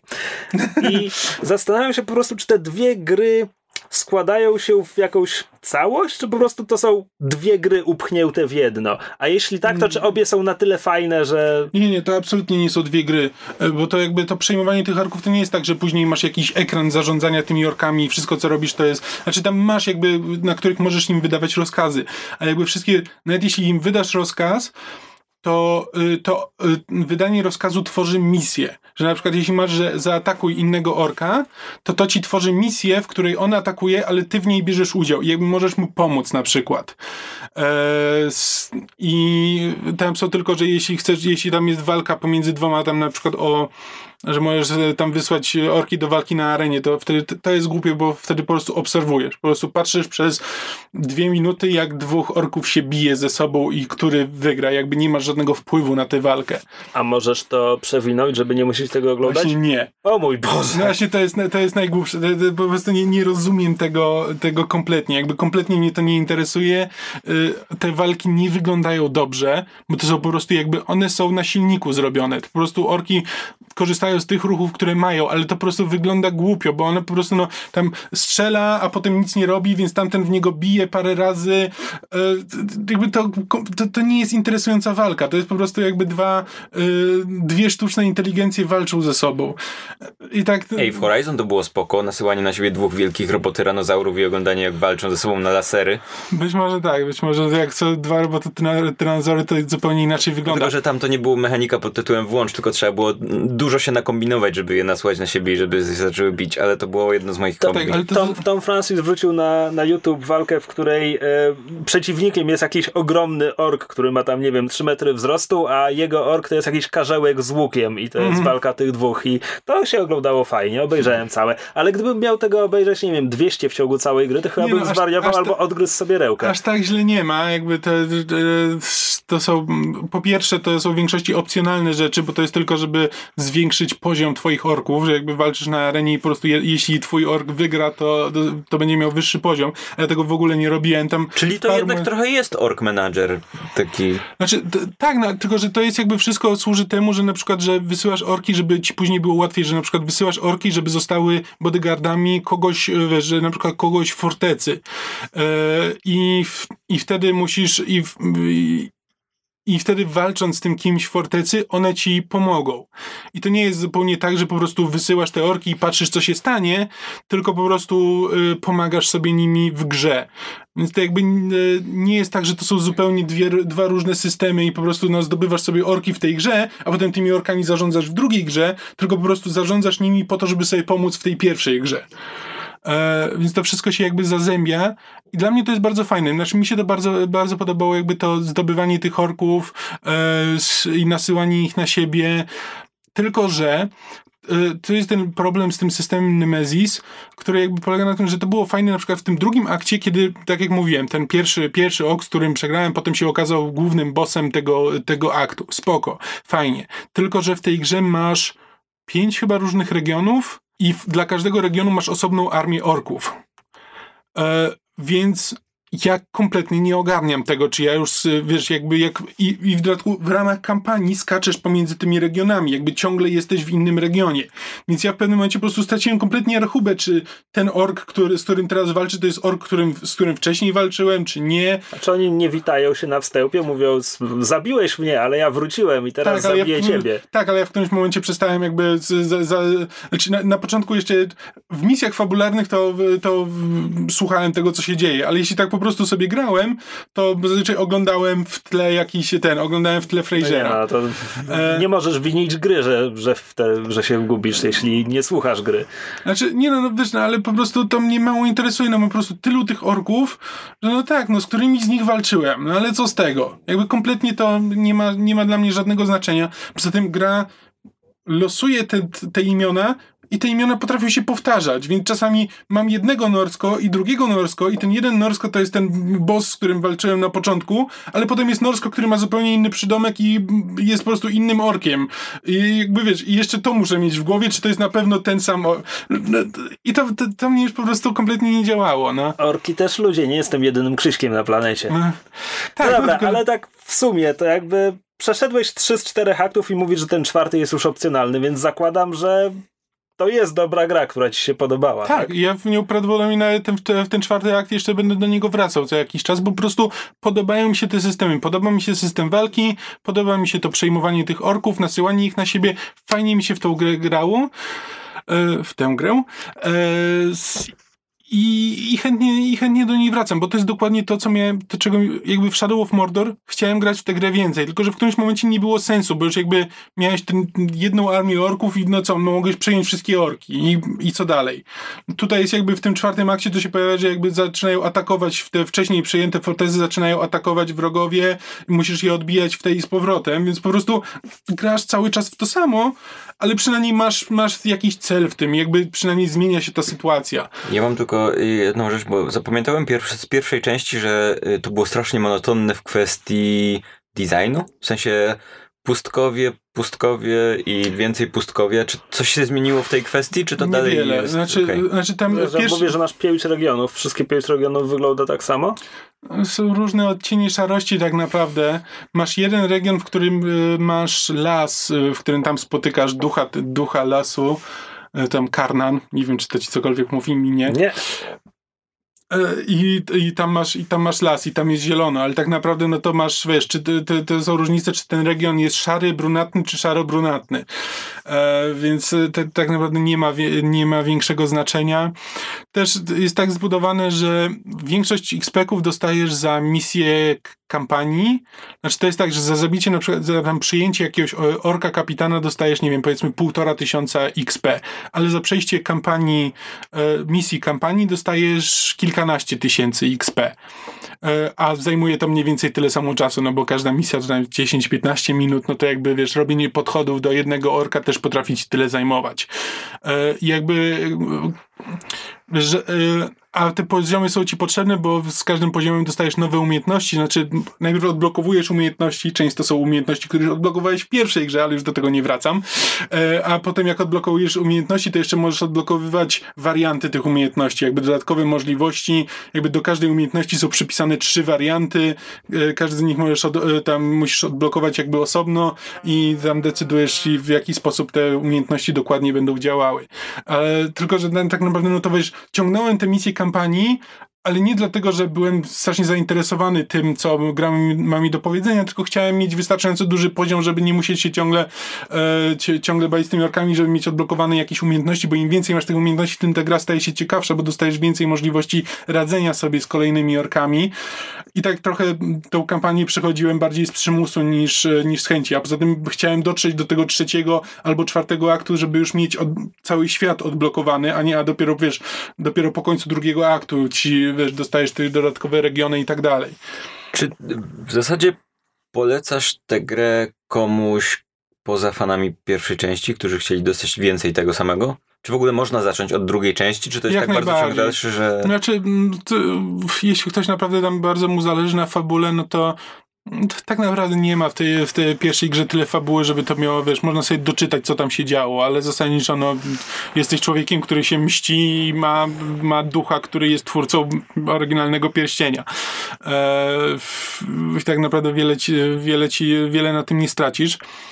Znaczy, nie, jak najbardziej, moim zdaniem to nie jest tylko i wyłącznie dla fanów, dla fanów pierwszej części. To jest, to jest naprawdę dobra gra. Ja uważam, u, uważam to za dobrą grę, jakby z taką ilością systemów, że nie nudzi, się, nie nudzi się bardzo szybko. Po prostu masz dużo współgrających ze sobą systemów, którymi możesz się bawić. E, I to jest coś, czego jakby w grach, w grach mi brakuje. Jakby wiesz, w, w tych oryginalnych As- Assassin's Creed'ach, no to jakby jeśli podoba ci się główny gameplay, no to po prostu go powtarzasz wielokrotnie w różnych, y, w różnych wariantach. E, Tutaj jakby poniekąd też, ale jakby, ale trochę możesz sobie tworzyć własne cele i jakby decydować o tym, co, co i dlaczego chcesz w tym momencie robić. Jakby jest to, jest to bardzo satysfakcjonujące, no jakby i też to, że jakby gra mnie zmusza do tego, że no muszę, muszę podchodzić taktycznie do, do tych walk, nawet na, nawet, nawet na wyższych poziomach, jakby na wyższych poziomach robi się trochę trudniej, ale jakby szczególnie w tej środkowej części gry jakby robiło się ciekawie, bo jakby brakuje mi, nie jestem tak silny, żeby, żeby wszystko po prostu wziąć na klatę, więc muszę kombinować, więc jakby muszę czasami uciec z walki, żeby potem do niej wrócić, żeby mnie ten org znowu zaczął szukać, żeby móc się na przykład na niego zaczaić z powrotem i tak dalej, i tak dalej. Jakby kombinować nad tym, jak to zrobić, żeby było dobrze. I wiesz, i możesz, i możesz spokojnie, wiesz, mając 20 poziom, możesz spokojnie pokonać orka, który ma 30 poziom czy 40. To nie jest tak, że to jest po prostu zablokowany. On jest tak zabójczy dla ciebie, że wiesz, jeden cios cię zabije, albo wiesz, dwa ciosy i po prostu nie masz. Spokojnie możesz jakby walczyć z orkami wyższego poziomu, jeśli dobrze do tego podejdziesz, jeśli jakby się dowiesz, jakie mają e, słabości, jeśli je dobrze wykorzystasz i jakby z, i dobrze sobie przygotujesz e, podkład do tego. I to mi się bardzo podoba, że jakby te, te, że jakby te poziomy to nie jest tylko jakby gating, że po prostu, że nie możesz przejść do, do innego jakiegoś fragmentu mapy, bo, bo po prostu wrogowie tam są y, zatrudni, tylko po prostu one ci dają, one ci dają dodatkowe możliwości, które później możesz wykorzystać w walce, ale nigdy nie czujesz się, że jesteś po prostu kompletnie przegrany, że okej, okay, teraz uciekam, bo absolutnie tutaj nie mam szans, no ja jestem na 20 poziomie, ten jest na 40 poziomie, no nie mam tutaj czego szukać. Jakby spokojnie jesteś w stanie to, y, jesteś w stanie to rozwiązać, jakby wykorzystując y, trochę przebiegłości. To jest coś, czego w grach się bardzo rzadko, bardzo rzadko spotyka i ja bardzo to sobie cenię. Dobra. Podobno Krzysztof grałeś w Life is Strange. E, tak, konkretnie w Life is Strange Before the Storm, który jest prequelem, który jest zrobiony przez inne studio, bo Life is Strange robiło Don't Not i może tutaj e, powiedzmy czym to było. To była gra nazwijmy to przygodowa, e, taka bardziej na modłę e, gier Telltale niż, niż klasycznych przygodówek o nastolatkach z pół, północno-zachodnich Stanów Zjednoczonych, konkretniej o dziewczynie, która odkrywa, że potrafi cofać czas. A odkrywa to, kiedy jej e, przyjaciółka z dzieciństwa zostaje e, przypadkiem zastrzelona, więc nasza bohaterka Max cofa czas i, i ratuje swoją przyjaciółkę, Chloe która to Chloe potem wciąga ją w intrygę, bo zasadniczo w tamtej grze kierowaliśmy Max, ale to Chloe była siłą napędową i e, zdecydowanie ciekawszą postacią, bo Max była taka, to jest taka 16-letnia dziewczyna, która chce no, być, być fotografem, więc wszędzie chodzi z Polaroidem i wszystkiemu robi zdjęcia i znaczy, zasadniczo... Jak powiesz 16-latka z Polaroidem współcześnie, to wszyscy wiedzą, tak. jaki to jest rodzaj postaci. E, I zasadniczo ona się tam snuje i nie bardzo ma charakter, a Chloe w międzyczasie, ponieważ Max wraca do tej mieściny po, po iluś letnim pobycie w, w Seattle, e, Chloe w tym czasie stała się punkową. E, Na pewno ktoś nam powie, że Max nie ma 16 lat, tylko chyba 19, nie? Mm, ona nie. studiuje. Tak, ale to jest, to jest amerykański system. Ale wydaje mi się, że ona jest już pełnoletnia, prawie na nie. pewno. Dobra, to nie, nie będę się kłócił. Jestem prawie pewien, Sprawdzę że nie. to po prostu. Okej. Okay. A może 17. Nieważne. Dobra, jest, no. to, to naprawdę nie ma znaczenia. Ja zaraz w, zrobię w każdym razie, tego. E, to, był, to była gra, która opowiadała nam historię tych, tych dwóch dziewczyn. E, jednocześnie tam jest taka tajemnica, że zanim zaczęła się akcja, pół roku wcześniej zaginęła inna uczennica tej szkoły. Ma 18, więc dokładnie w połowie między tym, co mówiliśmy. Okej, okay, dobra. Zaginęła inna uczennica tej, tej szkoły, z którą z kolei Chloe była blisko, blisko związana, więc mówiłem, sterujemy Max, ale to jest zasadniczo historia Chloe, e, tym, bo to e, ona wciąga naszą bohaterkę w te wszystkie intrygi, ona tam zna, nie wiem, ludzi handlujących narkotykami i tak dalej. To, to jej grożono pistoletem, to ona ginie w pierwszym epizodzie. Ona ginie niemalże w każdym epizodzie. Niemal w każdym epizodzie musimy cofać czas, żeby Chloe nie zginęła. Przy tym e, wydaje mi się, że warto tutaj wspomnieć, że mimo tego, że to cofanie czasu nie jest tak bardzo istotne w tej grze, jak się może wydawać. W sensie, że to nie jest gra science fiction o cofaniu, o podróżach w czasie, tylko to jest gra, myślę, że bardzo mocno o emocjach i ludziach i życiu nastolat tak? Przy którym akurat przy okazji jeden z bohaterów jest w stanie cofać czas. Jak, jak najbardziej, aczkolwiek to cofanie czasu jest tam wykorzystywane, wiesz, kiedy masz takie bardziej typowo przygodówkowe zagadki, to prawie zawsze musisz korzystać z tego cofania czasu. Do tego mówiłem, że to jest gra na modłę Telltale, więc tam parę razy w każdym epizodzie masz niemalże stop klatkę, kiedy dokonujesz bardzo ważnego wyboru. Max może dokonać bardzo ważnego wyboru, po czym cofnąć czas i zmienić ten wybór, żeby zobaczyć obie jakby konsekwencje obu wyborów. Ale to krótkoterminowe. Też, tak. Krótkoterminowe, tak, bo jak już się zdecyduje na któreś, no to potem jak parę dni później się okazuje, że ojej, to było straszne, co ja zrobiłam, no to nie da się tego e, już wtedy odwrócić. Plus dodajmy, to jest gra na modłę Telltale, te wielkie wybory ostatecznie nie mają wielkiego znaczenia, bo his, jakby gra opowie ci tę historię, którą chce ci opowiedzieć. Dobra, więc to jest oryginalne Life is Strange.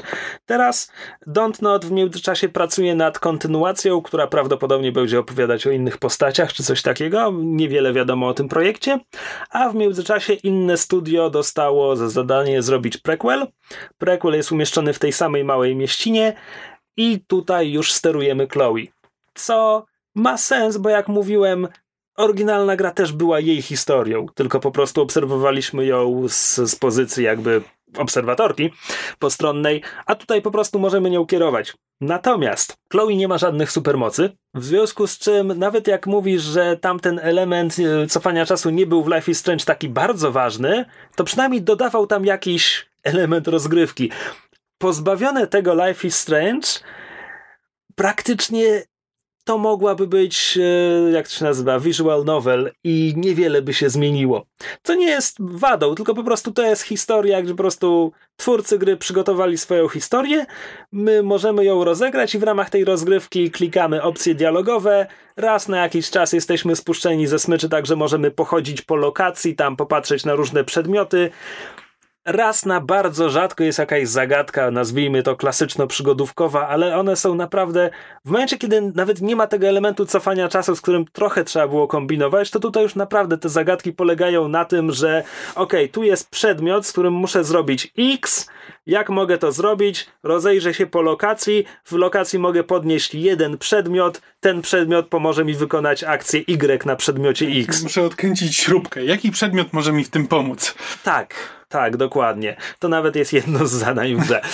A, więc to jest dość szczątkowe, żeby dać graczom cokolwiek do roboty, E, okazuje się, że supermocą Chloe jest krzyczenie na ludzi, bo tutaj e, w, w, w, sytuacjach jakichś e, społecznych ona może, nie powiem przekonywać ludzi, żeby zrobili coś, co ona chce, żeby zrobili. Ona zaczyna e, na, ich krzycze, na nich krzyczeć i wyzywać tak długo, aż oni mają jej dość i robią to, co ona chce, żeby oni zrobili, żeby ona już dała im spokój. Ale masz do tego przycisk taki, że możesz to zrobić w dowolnym momencie, czy to jest Nie. jakby charakter postaci? jest Nie, taki? kiedy, kiedy nawiązujesz dialogi, czasami masz jedną opcję dialogową oznaczoną komiksowym dymkiem z tam różnymi znakami, tymi Aha. diakrytycznymi, czy jak to się nazywa, e, która, która ci oznacza, że jak to klikniesz, to uruchomisz tę minigrę. Ta minigra polega na tym, że słuchasz tego, co mówi druga osoba i wybierasz jedną z replik, tak żeby to mniej więcej miało sens do tego, co, co ona właśnie powiedziała. Dlatego w recenzjach czasami nazywają to, że to jest insult sword fighting dla milenialsów. Wiem to samo skojarzenie.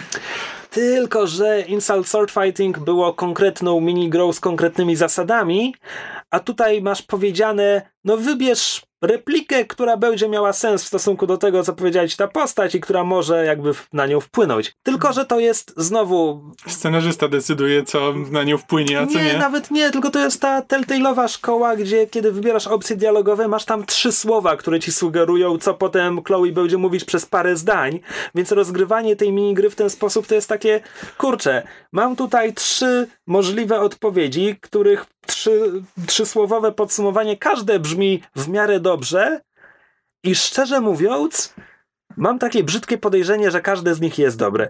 Bo ja jeszcze nie tylko nie przegrałem ani jednej z tych minigier, nie straciłem ani jednego punkta. Ani razu nie wybrałem błędnej. Okej. W związku z czym mam wrażenie, wydaje mi się, że naprawdę wszystkie mogą być prawidłowe. To z kolei wydaje mi się bardzo nie fair w stosunku do graczy, ale kurczę, jakby statystyka sugerowałaby, że choć raz wybrałbym złą odpowiedź. Mhm. I jeszcze mi się to nie zdarzyło. Przeszedłem dwa z trzech epizodów gry. Może po prostu dobrze grasz w tę grę i rozumiesz, co czytasz. No. Trzeci epizod Nie wybierasz losowej odpowiedzi. nie miał premiery. Tak, nie wybieram losowej odpowiedzi, tylko w ogóle pierwszy epizod był jakby jednym wielkim tutorialem, bo tam za każdym razem, kiedy pojawia się ta minigra, to właściwa odpowiedź zawiera słowo z wypowiedzi tej oryginalnej postaci. Więc to po prostu już jakby bardziej Wow. tego nie mogliby wskazywać. E, W drugim epizodzie już jest to trochę inaczej sformułowane, ale wciąż, no, jeszcze ani razu nie wybrałem złej odpowiedzi. A A to już się skończyło? Przed chwilą powiedziałem, wyszły dwa z trzech epizodów. A, dobra. Nie słyszałem. Tyle jakby sama rozgrywka, więc tak, mogliby to przepisać na visual novel, że tylko klikasz opcje dialogowe i czytasz opis, co się dzieje. No właśnie, bo, bo jakoś tak mam wrażenie, że gameplay to nie jest to dla. To nie jest powód, dla którego ludzie pokochali pierwszą Absolutnie grę, nie. nie? Nie, to Tylko jest- raczej jest- właśnie historia, emocje i to w jakiś sposób jakiś tam Powiedział, oddziaływała na nich. powiedziałbym też, że tak, taki ogólny klimat i nawet wartości artystyczne, Tak, tak. bo Don't Not ewidentnie miało, miało e, ambicje, E, mieli również box set Twin Peaks i to widać bardzo w tej grze. I oni nawet tego nie ukrywają. Tam jest samochód z rejestracją TWN, PKS, czy gdzieś wchodzisz do toalety, a na lustrze jest napisane Firewalk with me. I, I to jest tutaj, to jest tutaj kontynuowane, to znaczy tutaj są ładne sceny, w sensie są ładnie za, ten zaaranżowane kadry. Scenariusz jest bardzo porządny. Um, wciąż czasami jak postaci rozmawiają, to masz wrażenie, kurczę, to jest tak bardzo coś mi zgrzyta w tych dialogach, ale, ale czy zgrzyta mi w dialogach, bo, bo nastolatkom zdarza się mówić bardzo dziwnie i nieskładnie wyrażać swoje myśli, czy zgrzyta w dialogach, bo one są źle napisane, trudno powiedzieć. Tak miałem w poprzedniej grze, tak mam w tej grze. A niektóre. Przypomniał się, Tom, Tom Francis stwierdził, że właśnie zupełnie inaczej patrzy na tego typu dialogi, odkąd e, był, tam mieszkał przez trzy miesiące w Stanach i usłyszał dwie nastolatki w windzie, które właśnie użyły sformułowania like whatever. tak. To wciąż jest bardzo dobra historia, bo to, to się dzieje. Wiesz co? Jeśli mówisz mi, że Max miała tam 18 lat, to mam wrażenie, że to się dzieje 3 lata przed tamtą grą bo Chloe ma w tym momencie 16 bodajże, chyba że już coś zdążyłem zapomnieć. a ona z kolei była star, rok starsza od Max. w każdym razie to jest historia tego, jak Chloe poznała Rachel Amber, czyli tę dziewczynę, która zaginęła przed rozpoczęciem poprzedniej gry. A, a ponieważ z poprzedniej gry wiemy, co się z nią stało, to jest wszystko tak bardzo strasznie smutne. To znaczy, e, tutaj one się spotykają. Nie jestem 100% pewien, czy to jest decyzja gracza, jak to rozegrać. W poprzedniej grze gracz decydował o tym, jak rozegrać relację Max z Chloe, czy to jest tylko przyjaźń, czy coś więcej. Tutaj też jest taka decyzja do podjęcia, czy, czy Chloe po, powie jej, że, że coś do niej czuje. Nie jestem pewien, co by się stało, gdybym nie wybrał tej opcji dialogowej. Mam wrażenie, że to, że to jest relacja romantyczna, jest tak ważne dla tej historii, że trudno mi sobie wyobrazić, by, by gra mnie w to nie wtłoczyła potem, tak czy inaczej. Ale nieważne, i tak miałem zamiar rozgrywać to jako relację romantyczną, więc, więc nie mam tego grze za złe. Tak, no i okazuje się, że one się poznały w sytuacji, kiedy z kolei Rachel, która do tak, no bo Chloe, jej ojciec zginął e, parę chcę powiedzieć, rok temu mniej więcej e, ona wciąż nie może, nie może przyzwyczaić się do, do życia bez niego. Dodatkowo jej matka zaczęła się przyzwyczajać, ma już nowego chłopaka, którego Chloe nienawidzi. To jest wszystko sytuacja z poprzedniej gry, tylko tutaj jakby cofamy się parę lat, kiedy Chloe jest, ona nie jest jeszcze tą jakby twardą pankową, która ma cały świat w dupie i w ogóle, tylko ona jest takim to jest wszystko dla niej jeszcze bardzo świeże. I gra rozgrywa to rewelacyjnie w paru scenach. E, w pierwszym epizodzie jest, jest moment, gdy Chloe wyżywa się na wysypisku śmieci i rozwala wszystko, e, rozwala wszystko kijem baseballowym, e, który następnie przechodzi w scenę o zupełnie innym wydźwięku emocjonalnym i to jest super. I okazuje się, na koniec pierwszego epizodu, że y, Chloe poznała Rachel w momencie, kiedy Rachel przechodzi przez coś w miarę podobnego. Nie aż tak ciężkiego, jakby ona nie straciła e, rodzica, e, ale ona też teraz jakby jej świat też się w pewnym sensie zawalił. E, co najwyraźniej u niej też wyraża się takim buntem przeciw, przeciw społeczeństwu i tak dalej. I jest to naprawdę bardzo fajne. To znaczy, to jest gra, w której przeszedłem dwa epizody, kilkanaście razy gra robiła stopklatkę, mówiła mi podejmij bardzo ważną decyzję. Mam wrażenie, że żadna z moich decyzji nie była bardzo hmm. ważna, chyba że bardzo się mylę co do tego, jak już mówiłem, jak ta ich relacja jest poprowadzona.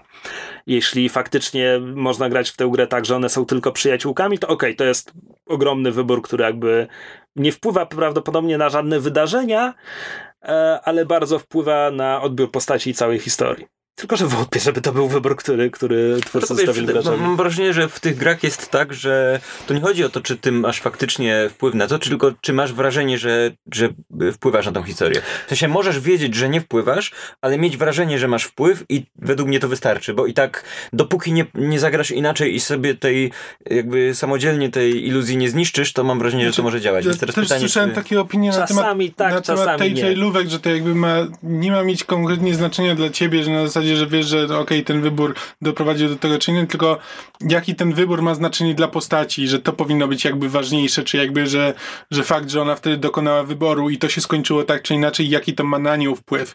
E, jakby, jakby bardziej trzeba pod tym względem patrzeć niż, niż pod tym względem, czy, czy rzeczywiście ten wybór później do czegoś rzeczywiście zmienia coś, coś w tej przygodzie, tylko no jakby jak, jak to odbiera postać. Tak, tylko problem w tym, że każda z tych gier ci to obiecuje na początku. I w Telltale'u, i tutaj zawsze masz powiedziane, twoje decyzje wpływają na przebieg historii. Tylko, że nie. A No, ewentualnie masz też y, Until Dawn, w którym jakby wpływ na, w, n, na to, jak to działa jest ekstremalny, nie? Żeby a jeszcze... propos, a propos tej Telltale, to mogliśmy w sekcji newsowej powiedzieć, że oni zwolnili jakieś 150 ludzi z... 90. Okej, e, w każdym razie Telltale podjął decyzję, że będzie wydawał mniej gier. Ale, Wow. będzie, ale zacznie się do nich przykładać. Byłoby miło. Tak. E, tak, no, żeby zakończyć, e, tutaj jeszcze e, strajk aktorów głosowych miał wpływ na powstawanie tej gry, bo w Life is Strange Chloe była dubbingowana przez Ashley Birch, która potem dubbingowała Aloy. Aloy. E, a potem wydarzył się strajk i Ashley strajkowała, a e, Deck Nine, czyli studio, które zrobiło e, Life is Strange Before the Storm, e, okazało się łami strajkami i po prostu zatrudnili inną aktorkę. Natomiast e, nie byli do końca e, jakby nie byli bez serca. Ashley Birch brała udział w powstawaniu Jako gry konsultantka. jako konsultantka w sprawie postaci Chloe. Mhm. Tak. Szczerze mówiąc, To brzmi bardzo dziwnie, to znaczy protestowała, ale tak tylko Znaczy, trochę? bo ona nie, bo to, to Nie- chodziło nie o to, że Ashley Birch. Ashley Birch jest w związku, aktor, e, w sensie zawodowym. Aktorka, która po niej przejęła nie jest, więc jakby Ashley nie mogła po prostu jakby fizycznie wziąć udziału, jakby chciała, żeby ta gra jakby wyszła i żeby ta postać jakby zachowała swój charakter, ale po prostu nie mogła, nie mogłaby wziąć udziału w, w nagraniu, bo, no bo by z, ale no jakby, jakby rozumie, że no, gra musiała powstać, ale ona po prostu nie mogła wziąć w niej udziału. Natomiast nie wiem, czy nowa aktorka udanie naśladuje Ashley Birch, ale obejrzałem na YouTubie porównanie jakby sceny z pierwszej gry, sceny z tego prequela. Ja prawie nie słyszę różnicy, szczerze mówiąc. Więc możemy po prostu założyć, że nowa aktorka bardzo, bardzo udanie odtwarza rolę, tak? E, ostatnie, co chcę, chcę powiedzieć, to to, że nie jestem specjalistą, ale słowo daje, że ta gra jest zrobiona na tym samym silniku, co oryginał i nic z nim nie zrobili. I oryginał wyszedł parę lat temu i miałem I wrażenie, już że wtedy jest wyglądał dość tak Znaczy, oni, oni, dużo, oni dużo jakby ugrali tym, że to Stylistyką, jest stylistyką, tak, to, że to jest wczesna jesień i tam po prostu złota Instagram- godzina się unosi filtr, przez całą filtr grę, przez tak. całą grę. A tutaj nie, tutaj mamy jakąś chyba wiosnę czy lato, więc nie ma tego ciepłego światła, które mam wrażenie, że naprawdę pokrywało wiele niedociągnięć. Tak, Tak, tak. to jest zasadniczo jakbyś nasmarował po prostu obiektyw wazeliną, tak jak się ten kiedyś E, I tutaj to już mocno widać. Natomiast mi najbardziej przeszkadza animacja postaci, która. Mówiłem, Max była dość drełtwa, więc to, że się drełtwo ruszała, jakoś tam pasowała. Chloe jest żywiołowa i ener- ener- energiczna i animacja postaci za tym nie nadąża. Kiedy ludzie krzyczą, to to wygląda źle. Kiedy ludzie po prostu rozmawiają, to mam wrażenie, że twórcy stwierdzili, kurczę, oni nie mogą stać nieruchomo, będą wyglądać jak roboty, muszą się ruszać, po czym nie bardzo mieli środki, żeby zrobić to w naturalny sposób, więc po prostu mm, czasami ktoś coś mówi, czy kogoś słucha i tylko zaczyna tak kręcić głową. I to jest po prostu, ja nie wiem, co się z tymi ludźmi dzieje, oni mają jakieś ataki epilepsji. Znaczy, w Shadow of War Talion ma jakoś tak zbudowaną twarz, że ruszają mu się usta, ale nie oczy. Więc jak są sceny, w których on na przykład żywiołowo przemawia do swoich orków albo się wkurza na kogoś, to to po prostu wygląda wygląda przerażająco, bo te oczy po prostu są nieruchome, a te usta wtedy, a, a usta kłapią e, dziobem. Okej, y, to, to zadałem ci to samo pytanie, które zadałem Kamilowi wcześniej. Czy jeżeli ktoś nie grał w Live is Strange, to może zacząć od Before the Storm i czy to ma jakikolwiek sens, czy to jest tak, że to się tylko działa jako spin-off? E, to znaczy, jeśli znasz oryginał, to grając tutaj masz dogłębne poczucie tragedii, po prostu katastrofy, która spotka tych wszystkich ludzi za parę lat. Natomiast można w to zagrać, bo to jest prequel. I w związku z tym nie ma elementów nadnaturalnych, nie ma związku z historią z oryginału, no bo historia z oryginału jeszcze się nie wydarzyła. Dobra, to co, tyle o Live is Tyle. Strange? Tyle. Na koniec mogę tylko, tylko dodać, że pierwszy epizod oryginalnej gry jest od lat za darmo na Steamie, więc jeśli nie graliście, warto spróbować, bo to jest naprawdę ciekawa propozycja. Ale do, do pytania Pawła, czyli jakby lepiej, y, lepiej zacząć od oryginalnego Life is Strange? Ja bym zaczął od oryginalnego. Mhm. Zwłaszcza, że e, tak jak mówisz, na pierwszy odcinek jest za darmo, więc możecie odpalić i sprawdzić, czy ten. Bo e, mam wrażenie, że wielu osobom nie odpowiada ten klimat, który jest w tej grze. W sensie Tak, dla, dla wielu są- osób to jest zbyt powolne, albo, albo zbyt ciężkie takie momentami i takie zbyt depresyjne, bo ta gra jest trochę depresyjna. Jest. Em, podejrzewam, że z tego co mówisz, Im dalej że... w las, tym bardziej. Tak, tak, więc, y, więc myślę, że dla wielu osób to będzie zbyt wolne, zbyt smutne i jakby nie będą chcieli w to grać, ale ponieważ pierwszy odcinek jest za darmo, to jest to super okazja, żeby spróbować i, i ten. Dokładnie. Dobra, to co? Przechodzimy do mojego grania w Assassin's Creed Origins. Mhm.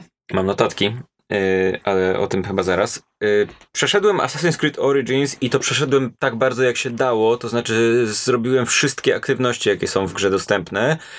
Zrobiłem wszystkie trofki, czego nie robię w grach. Jest jedna gra, w której zrobiłem wszystkie trofki do tej pory i to był Horizon, w którym mm, było to dość proste, bo tam było tych trofek niewiele i, y, i były raczej takie, że, że można je było w miarę łatwo zrobić po prostu grając w grę i nie robiąc żadnego dodatkowych, żadnych dodatkowych rzeczy. W Assassin's Creed Origins tak nie jest. I zrobiłem wszystkie poza jedną, którą sobie przez przypadek zablokowałem w trakcie grania, więc będę musiał albo odpalić kampanię jeszcze raz, żeby zrobić tą trofkę, albo poczekać do dodatku. Więc jakby myślę, że jestem na tym etapie, że mogę tę grę zrecenzować. bo bo mm, e, e, premiera Assassin's Creed u, mm, uświadomiła jak duży, mi, jak duży jest problem w branży w kwestii tego, że, y, że recenzenci dostają zbyt późno gry. I w tak ogromnej grze, jaką jest Assassin's Creed, bo to jest gra na. No ja mi zajęło 70 kilka godzin zrobienie wszystkiego. I w tym momencie. e, No, no, widać było, że część z tych recenzji to są recenzje, które jakby nie. No, nie, nie było czasu, żeby zagrać, ograć całą grę. Daj spokój, to tylko trzy dni z małym haczykiem. No tak. E, ale zanim zaczniemy, zanim przejdę do tego, to ustaliliśmy sobie, że zrobimy szybką przebieżkę po dotychczasoych częściach Assassin's Creed i żeby, żeby jakby mieć kontekst tego, Czyli, jak to żeby wygląda. zacząć, cofamy się do roku, chcę powiedzieć 2006, 2007? 2007, bo był dziesięciolecie Assassin's Creed dokładnie kilka dni temu, jak, widzisz. rozmawialiśmy o tym. Przy tym, co cie- ciekawe jest to, że moja historia z Assassin's Creed zaczęła się od części czwartej, Black Flag, któ- którą Hmm. dostałem razem z konsolą y, PS3 chyba, którą kupiłem. I odrzuciło mnie to i stwierdziłem, kurde, słyszałem dużo o tej serii gier i ta gra jest y, nudna i y, mm, ja wiem, że tutaj wy chyba obaj jesteście fanami Black Flag Mhm. i to jest tak, że ja wracałem do Black Flag trzy razy. I to nie jest tak, że ja nie lubię tej części. Mm, ale o tym za chwilę ten. Ale moje pierwsze zetknięcie z tą serią było takie, że wow, jak ta gra jest bardzo kartonowa, jak tam wiele jest powtarzalnych misji, jak tam wiele jest takich rzeczy w rodzaju hej, zobacz, tych pięciu piratów stoi w tym miejscu, nic nie robiąc i czekają, aż przyjdziesz do nich i im spuścisz łomot i takich samych spotów jest w tym mieście jeszcze 50. Assassin's Creed w pigułce, ale Black Flag miał walki okrotów.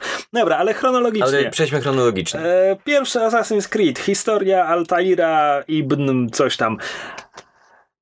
Przeszedłem, pamiętam, Ja 10 też. lat temu. A I to jeszcze na, kompie, który tak średnio to ciągnął.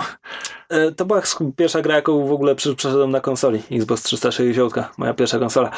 E, Pamiętam, że się dobrze bawiłem, tak? Przeszedłem całą grę, ale jak wracam do tego wspomnieniami, to rany boskie, jak bardzo w tej grze nic nie było. Tak, Tak. mam wrażenie, że pierwsza część to był taki trochę proof of concept i tam było tak, że Mhm. to były fajne pomysły, ale w pewnym momencie okazało się, że to było bardzo powtarzalne. Znaczy, Był, był, to był- parkour i bieganie po Tak, bo budynkach. to był jakby początek gier jakby z otwartym światem, jakby mało kto robił tak, że budował po prostu miasto, w którym się, jakby, po którym mogłeś chodzić, więc jakby cała para poszła w, zbudowanie Jerozolimy i tego systemu parkouru. A potem trzeba było dodać do tego jakąś mechanikę, więc e, no, no, to będzie walka tutaj. I to się nazywa Assassin's Creed, więc będą zabójstwa, które tutaj umieścimy w tych mm, kilkunastu miejscach na mapie. I co, no to biegasz w tej grze, to możesz jeszcze, to jakieś takie wyścigi z punktu A do punktu B. Wystarczy? Chyba wystarczy. A potem ktoś miał e, drobny udar i krzyknął e, sci-fi, cofanie się w czasie, pamięć DNA i dopisano do tej gry e, współczesną część e, fabularną, e, która już wtedy obiecywała nam bardzo wiele i nigdy tych obietnic nie zrealizowała. Czy ja mam wrażenie, że to jakby to całe dopisanie tej części przyszłościowej to jakby służyło bardziej gameplayowi na zasadzie, że chcemy, żeby bohater poczuł się, że, że rzeczywiście jest w tym mieście, ale na przykład na misję musimy zamykać mu dostęp, więc to wszystko będzie to wszystko będzie w głowie tak naprawdę głównej postaci i wtedy my możemy w tym, w tym świecie zrobić wszystkie te gierkowe rzeczy, No właśnie to a przy takie- tym udawać, że to jest wciąż I imersja. to jest takie dziwne, bo gry istnieją od dziesiątek lat i my nie potrzebujemy jako gracze nie potrzebujemy mieć wyjaśnienia, dlaczego gra ma interfejs takiego, który jest zgodny ze światem gry, a mam wrażenie, że rolą tej, tej współczesności i tego, że to jest symulacja, to było na początku to, że hej, yy, yy, nie możemy realistycznie zrobić z tego, że giniesz i wtedy cię cofa w czasie, więc zrobimy, że to jest symulacja, więc jak giniesz, to cię cofa w czasie, ale to tak naprawdę jest, to nie jest tak, że to jest jeszcze, gra. a jeszcze tam próbowali te sterowanie jakby uzasadnić w, w świecie gry na zasadzie, że e, dolny przycisk to były nogi, prawy przycisk to była prawa ręka, lewy przycisk to była lewa ręka, a górny przycisk to jest głowa. Tak. Więc A, jakby racja. dlatego naciskałeś, naciskałeś trójkąt czy tam e, Y, żeby synchronizować, bo to ma związek z głową, a bieganie się odbywało przez naciskanie A albo Xa. I, i wiesz, a atak to była prawa ręka, a obrona lewa ręka czy coś takiego. Tak, no więc e, gra dała nam dwóch bohaterów, nudnego Altaira i jeszcze nudniejszego e, da, Desmonda. Desmonda właśnie. E, gra wprowadzała nam asasynów i ich credo. Credo, przypomnijmy, jak to idzie, nic nie jest prawdziwe, wszystko jest dozwolone, więc wprowadzała nas w ten świat od długiej sceny, w której mentor Altaira łaja go za coś, co on zrobił, bo wszystko jest dozwolone, ale nu, nu, nu. E, Tak, a poza tym wszystko jest dozwolone, ale nie wychodź poza ten obszar misji, bo cię cofniemy. Tak, no i oczywiście kolejny, kolejny y, ten, kolejna charakterystyczna cecha, która została z serią chyba aż do najnowszej gry, czyli po tym jak kogoś zabijesz, to on jak w operze przez 10 minut przemawia. No tak. Dobrze, tak, to była pierwsza gra. No ale potem dostaliśmy dwójkę, która myślę, że jest zapamiętana jako ta najlepsza. Mm, czy też y, nie, słusznie czy niesłusznie to jest inna rzecz, ale że, że to wyglądało w ten sposób, że okej, pierwsza część była, była testem, druga część to było już okej, weźmy ten koncept, już mamy go gotowy, to teraz dodajmy do tego ciekawego bohatera w miarę i jakąś Przede wszystkim historię. sympatycznego. I Dla mnie Ezio, e, Ezio Auditore da Firenze e, jest przede wszystkim e, sympatyczniejszy niż, niż ciekawszy. Bo, no bo jego historia jest bohaterem gry komputerowej, zabijają mu rodzinę i się mści. E, natomiast, natomiast był sympatyczny, miał, e, nie wiem kto podkładał pod niego głos, ale był Też nie- jakby charyzmatyczny, fajnie mi się go słuchało.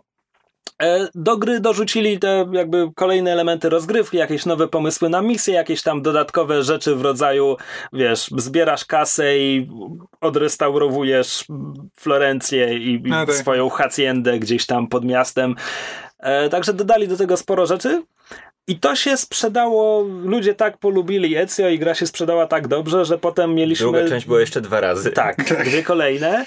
I szczerze mówiąc, ja przeszedłem dwójkę, potem środkową część trylogii o Ezio, zacząłem w to grać Brotherhood i odpadłem, bo gra mnie znudziła. Tam znowu dodali całkiem ciekawe elementy, bo tam e, budowałeś bractwa asasynów, rekrutowa- ratowałeś ludzi na Dla ulicach mnie, i dwój, e, rekrutowałeś. dla mnie ten 2.1, czyli Brotherhood, to była znowu najlepsza część. Możliwe, tylko że ona wciąż była tak podobna do poprzedniej, w którą ja grałem jakoś tak w miarę niedawno, że po prostu... Ja w nie zagrałem w ogóle ciągiem i to było tak, że y, w, w Brotherhood podobało mi się to, że, w, że zamiast dzielić teren na mniejsze obszary, to zrobili jeden otwarty świat, gdzie był Rzym i okolice i on był w miarę różnorodny, bo były też miasteczka pod, pod Rzymem Mhm. i były też jakieś tam tereny w miarę naturalne w okolicach Rzymu i to była jedna duża mapa, a w, dwój, a w, w, w dwójce podstawowej było tak, że była Florencja, było, co tam jeszcze było? Było kilka miast, były, był tu jakiś tam zamek z czymś Florencja, tam. Pisa, Tak, była nie Pisa na pewno. pamiętam. Ale to było, I to były tereny, między którymi się przenosiło e, ekranem ładowania po prostu, Mhm. Czyli kilka mniejszych otwartych światów, a w The Brotherhood był jeden większy. Znacznie poprawiono system walki. Mm, I A prawda, tam chyba po raz pierwszy pojawiły się kontry takie tam się w porządne. ogóle, tam, tam w ogóle, ja pamiętam, że ja zagrałem w tę grę bezpośrednio i ja byłem, byłem już nauczony y, w systemu walki w dwójce, po czym jak usiadłem do Brotherhood, to jakby z tymi samymi umiejętnościami próbowałem robić dokładnie to samo i to, co zrobiłem wtedy, to było, ja pamiętam dokładnie tę scenę, że tam napadli mnie jacyś tam ten, no i ja wtedy, okej, ten sam system walki jest zbliżony powiedzmy, ale on dawał tak większe, większe możliwości, a ja byłem go na tyle dobrze nauczony w tej takiej bardziej rough wersji, że po prostu spuściłem im łomot na pięści w ogóle w 3 sekundy, w takiej mega efektownej scenie, która wyglądała jak wyrwana, wiesz, z filmu. W I ogóle takie... ta, tam walka była, walka była fajna, bo rzeczywiście mogłeś zacząć po prostu na, walczyć na pięści i mogłeś y, zabrać komuś broń Tak. i wtedy dobić go tą Tak, bronią. co niestety potem gdzieś tam odeszło z serii, ale faktycznie ja bardzo lubiłem walki zaczynać na pięści, zabierając y, ludziom broń i, i walcząc potem na tą broń, potem rzucając tą broń do kolejnego przeciwnika. Było dużo możliwości i to było bardzo fajne, bardzo dynamiczne. Historia mam wrażenie, że troszkę mniej ciekawa była, ale ale jakby to, to była chyba, jeżeli chodzi o te klasyczne asasyny, to ten mój y, ulubiony. Tak, a potem było Revelations, które jeśli chodzi o rozgrywkę dodawało kolejne elementy, w, k- w tym minigrę Tower Defense, gdzie trzeba było zarządzać obroną kolejnych dzielnic Stambułu przed templariuszami Nie i, i coś tam. Wiesz co, ja w ogóle nawet nie grałem w tę część, więc po prostu Jakby to, co była, to jest jedna z moich, y, jakby jedyna rzecz, która, była, która mi się podobała w tej grze, to był stary Ezio. E, Tak, bo I to było zamknięcie jego historii. Tak, bo tutaj jesteśmy już tam, nie wiem, kilkanaście czy dwadzieścia lat później. Ezio ma A, si- widzisz. siwą brodę. Ale nie, bo sobie zobaczyłem teraz, że w 2009 roku wyszedł y, Assassin y, drugi, Mhm. e, w 2010 wyszło Brotherhood, a też w 2009 wyszedł, y, wyszło Arkham Asylum. I w Brotherhood y, właśnie chyba podpatrzyli trochę walki z, z Batmana i właśnie tam, tam wprowadzili te kontry i, i dodatkowe możliwości, które po prostu ukradli z Batmana. Jakby, a zawsze bardzo wa- dobrze. walka podkradziona z Batmana jest zawsze fajna. Y, E, ale mówię, Revelations dla mnie przede wszystkim to była gra, w której nie było historii. Bo tam historia polegała na tym, hej, jesteś Ezio i teraz jedziesz do Stambułu, żeby odzyskać jakieś księgi asasynów i więc t- twoja historia polega na tym, że szukasz kolejnych tych ksiąg, a potem je znajdujesz i Tam jeszcze było hej. coś dziwnego z tą warstwą e, futurystyczną, gdzie tam, e, że Desmond No, był tam- na jakiejś wyspie i biegał Tak, po wyspie. Był, Desmond był w szpiołce zasadniczo, Tak, z, której, z której musiał tak. uciec. A to były te czasy, gdzie każda gra miała śpiączkę. A potem, a potem w finale e, no, ci kosmici, co założyli ludzką cywilizację czy coś, kontaktują się z nim i Desmond robi coś, żeby ocalić świat przed czymś. Mhm. To mniej więcej tak wygląda. Oglądałem, oglądałem przerywniki na YouTubie, bo Ezio był na tyle fajną postacią, że autentycznie byłem zainteresowany tym, jak jego historia się kończy, ale już absolutnie nie chciałem się grać tam w Revelations to, jest, Revelations to jest gra, w której był, był osobisty wątek Ezio y, i i Ezio jako postać, to było jedyne, co było w niej ciekawe. No i setting był ciekawy, bo tak jakby było ładnie zrobione, ale jakby cała historia, kompletnie nic nie pamiętam z tego. Mam wrażenie, że tej historii nie było. Co zresztą jest motywem, który się powtarza w Asasynach, bo wrócimy do tego później. Tak, ale jakby mam, mam też wrażenie, że Ezio jest najlepiej pamiętanym bohaterem tych gier, bo dostał trzy gry. Tak, bo bo tak, twórcy ale- mieli okazję właśnie, żeby pokazać jego historię od, od nastolatka po no, człowieka w średnim wieku, który wciąż skacze między dachami i tak dalej, bo gra komputerowa. E, co swoją drogą nie ma znowu aż tak wielu gier, gdzie gra się takimi trochę starszymi ludźmi. Wciąż on skakał po dachach i nawalał 50 osób naraz, ale miał świznę we w, w brodzie i w ogóle. Hmm. Dobrze, następna gra Assassin's Creed 3. Liczycie? 3. Tak. Tak, po, po, po czterech grach i paru jeszcze tam o- odłamach, to wreszcie dostaliśmy trzecią grę. Tak, w których przenosimy się w czasie re, rewolucji amerykańskiej, gdzie gramy Rohannetonem bodajże, zwanym Conorem, który jest w połowie pochodzenia indyjskiego, a w, pocho- w połowie pochodzenia templariuszowego. Obaj wpadliśmy na ten sam dowcip, bo wcześniej przez pierwszą, nie wiem, godzinę, dwie czy trzy gry gramy jego ojcem, e, Heitamem, coś tam, Kenwayem bodajże który jest templariuszem i ponoć jest ciekawszy od Conora. Nie wiem, bo w trójkę nie zagrałem Znaczy, nigdy. ja grałem w to i właśnie i na początku było strasznie fajnie, bo jakby Haytham y, jest świetną postacią y, i tak był trochę tajemniczy, jakby to już później wyjaśniło czemu, ale jakby nie do końca wiedzieliśmy czemu, na początku czemu robimy to, co robimy, ale to było interesujące, ale było, było pokazane w intrygujący sposób. E, No a potem gra przechodzi do Conora, który jest właśnie już tak nijaki. Jest, jest, jak jest nijaki, to, jest, to są te lepsze fragmenty scenariusza, bo, bo mm, mm, poza tym jest, ja mam, ja zapamiętałem tę grę y, sk- y, bardzo źle. Absolutnie bardzo źle, bo, bo było tak. Po pierwsze, bohater. Y, On był, jak nie był nijaki, to był takim tępym tłukiem, któremu kto, który jest wkurzony i on, on, on chce kogoś zabić i inni ludzie nim pomiatają i każą mu gdzieś iść, po czym się okazuje, że tak naprawdę wykorzystali go do swoich celów, więc on mm, mm, ja muszę tam komuś innemu wpierdolić teraz, nie? I to, to, to mniej więcej, to, to był bohater, którego nie dało się lubić, który... Mam wrażenie, że oni jeszcze poszli w, w taki stereotyp takiego Indianina prymitywa, który trafia do, do świata cywilizacji i jakby jedyne, i, i go nie rozumiem, bo ma bardzo takie proste myślenie, że on to chce się zemścić i, i, i, i inni ludzie nim pamiętają, to, to raz. Dwa, że gra według mnie cofnęła się w rozwoju w kwestii tego, że znów podzieliła świat na mniejsze y, obszary Mhm. i nam kilka mniejszych miast, które były bardzo podobne do siebie, a dodatkowo jeszcze tereny, powiedzmy, naturalne, które, na które kompletnie według mnie nie było pomysłu. W sensie biegało się po lesie w śniegu i podawało na wiewiórki, Tak, ale... Gra, której podstawowym elementem jest ten parkour i wspinaczka po budynkach i skakanie po dachach, która nagle przerzuca cię w amerykańskie pustkowie. Jakby ja, ja nigdy nie rozumiałem tej decyzji. Wiesz co, ja, ja nie mam nic przeciwko, Wie, o ile wiem, że jest na to w Origins pomysł. też nie ma jakby jest dużo to, pustyni. to jest, jest sporo pustyni, ale y, jakby y, to nie jest kwestia tego, że to jest zły pomysł sam w sobie, bo jakby gra może pójść w takim kierunku, co widać, bo w Origins nie ma z tym problemu. Nadal jest tam sporo pustkowi, ale to jakby gra sobie z tym radzi, jest okej. A tam było tak, że mam wrażenie, że były te lasy i nie, i jakby twórcy oczekiwali, że teraz będziesz skakał po drzewach.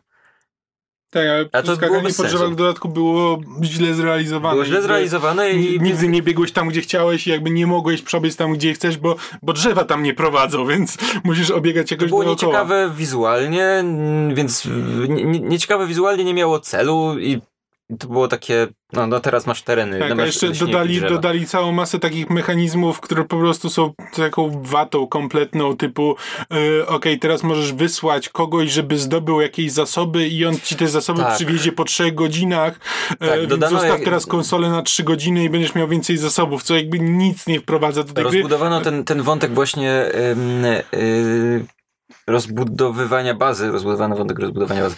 Tylko, że o ile w, dru w drugiej części to było ok, doprowadzenie tej całej willi do stanu używalności i coś tam ci to dodawało, to tutaj zrobiono faktycznie serię minigierek ekonomicznych, których ja do tej pory nie rozumiem, bo, bo bohater poza tym, że był asasynem, to jeszcze prowadził spółkę handlową i wysyłał, kupował towary i wysyłał wozy, bo nie wiadomo dlaczego i to było dziwne. I... Tak. E, jeśli chodzi o rozgrywkę, zrezygnowano z elementów Tower Defense, z tego co wiem, za to dodano kierowanie statkami, które zdaje się, że nie Tak, robiły wiele w tamtej części. popływać po jakimś tak naprawdę po dużym jeziorze.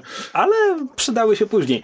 Natomiast obok e, Asasyna Trójki ukazała się również gra Assassin's Creed Liberation w tamtym roku na Vita, ale po latach doczekała się portu na pecety i kiedy już trafiła na pecety, to w nią zagrałem i nawet przeszedłem ku swojemu zdziwieniu której akcja toczy się w podobnej epoce, jeśli nawet nie konkretnie w tym samym roku, bo nawet spotykamy Conora w pewnym momencie.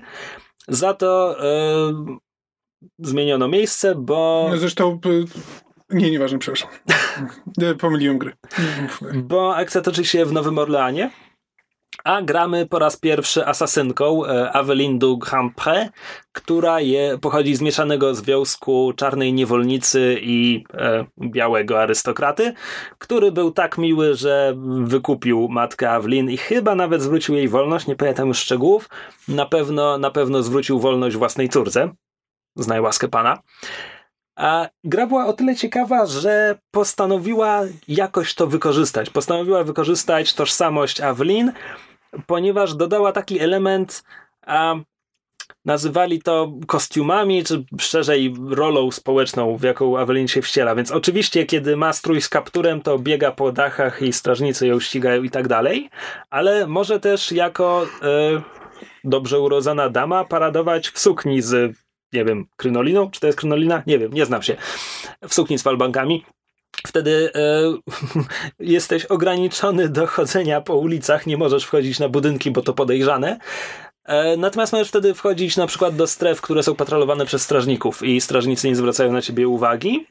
I była też trzecia nazwijmy to, tożsamość, w której e, Evelyn przebierała się w prosty strój, owijała sobie jakiś tam turban na głowie i udawała niewolnicę. Co z kolei e, było jakby trochę pośrednie, bo jako niewolnica mogła biegać, bo zdaje się, że damie nie, nie przez ten, e, mhm. damie nie było wolno. E, też strażnicy nie zwracali na nią tak bardzo uwagi i tak dalej ostatecznie to był ciekawy pomysł na rozróżnienie, jakby wprowadzenie jakiejś różnorodności w misjach, który nie był tam szczególnie dobrze wykorzystany. Również gra nie była szczególnie pro, dobra. To znaczy, tam były, były jakieś duże ograniczenia techniczne związane z możliwościami Wity, ale to był bieda Assassin's Creed i to tak, taki no mocno. To, y, jakby grało... Ja to grałem na Wicie w ogóle i... No, no ja w to grałem na PC. Grało mi się w to na tyle dobrze, że przeszedłem wszystko, natomiast to jest gra, która jest dużo ciekawsza na papierze niż była w rzeczywistości i Evelyn też jest taką postacią, która... Jej koncepcja jest ciekawa, ona sama nie bardzo. Ale hej, można było pograć asasynką dla odmiany. Dobra, e, przyspieszajmy, bo jak chcę jeszcze omówić dzisiaj. e, Assassin's Creed 4 następnie się pokazał, Black Flag. Black Flag, bo cyferka to za mało, tak. musi być podtytuł. Gra, do której podchodziłem, chyba nawet wtedy, nie, wtedy już nie było cyferki, to chyba był po prostu Assassin's Creed Black Flag, bo wtedy już chyba zrezygnowali z dodawania numerków do tych gier. I e, ja do tej gry podchodziłem, tak jak mówię, trzy razy. Za każdym razem miałem wrażenie, że to jest dobra gra, ale nie dla mnie. W sensie, to nie jest Assassin, dla mnie do dziś to jest tak bardzo różne. Zresztą Ubisoft chyba też to zauważył, bo robi teraz grę, która jest y, y, Black Flagiem tylko Black bez Flagiem tylko bez asasynów i mm. de facto sequelem tej gry, tylko, mm, tylko nie w serii Assassin's Creed. I dla mnie za każdym razem było tak, że grałem, dla mnie to było ok, to wszystko co widzę jest fajne i jest dobrze zrobione i rozumiem to, tylko że ja nie chcę grać w grę, w której pływam statkiem, bo mnie to nudzi i więc oddaję wam głos. Tak to znaczy, ja grałem w czwórkę, natomiast jej nie przeszedłem, bo tam w pewnym momencie też, też mnie trochę zmęczyła. Natomiast to, co rozegrałem, było bardzo przyjemne. E, te bitwy okrętów były, były całkiem fajne. Tam było za dużo konieczności tego ulepszania statku i tak dalej, żeby mieć szansę w walce z trudniejszymi statkami. To mnie zmęczyło, to był ten element. E, natomiast sama rozgrywka była fajna. E, Edward Kenway był spoko postacią. On był takim trochę mm, taką trochę powtórką z Ezio, ale z drugiej strony też nie do końca, bo Ezio był mimo wszystko moralnym człowiekiem, którym Edward nie jest, przynajmniej nie na początku gry. Szczerze mówiąc, ja nawet nie dotarłem do momentu, w którym on zaczyna traktować poważnie bycie asasynem.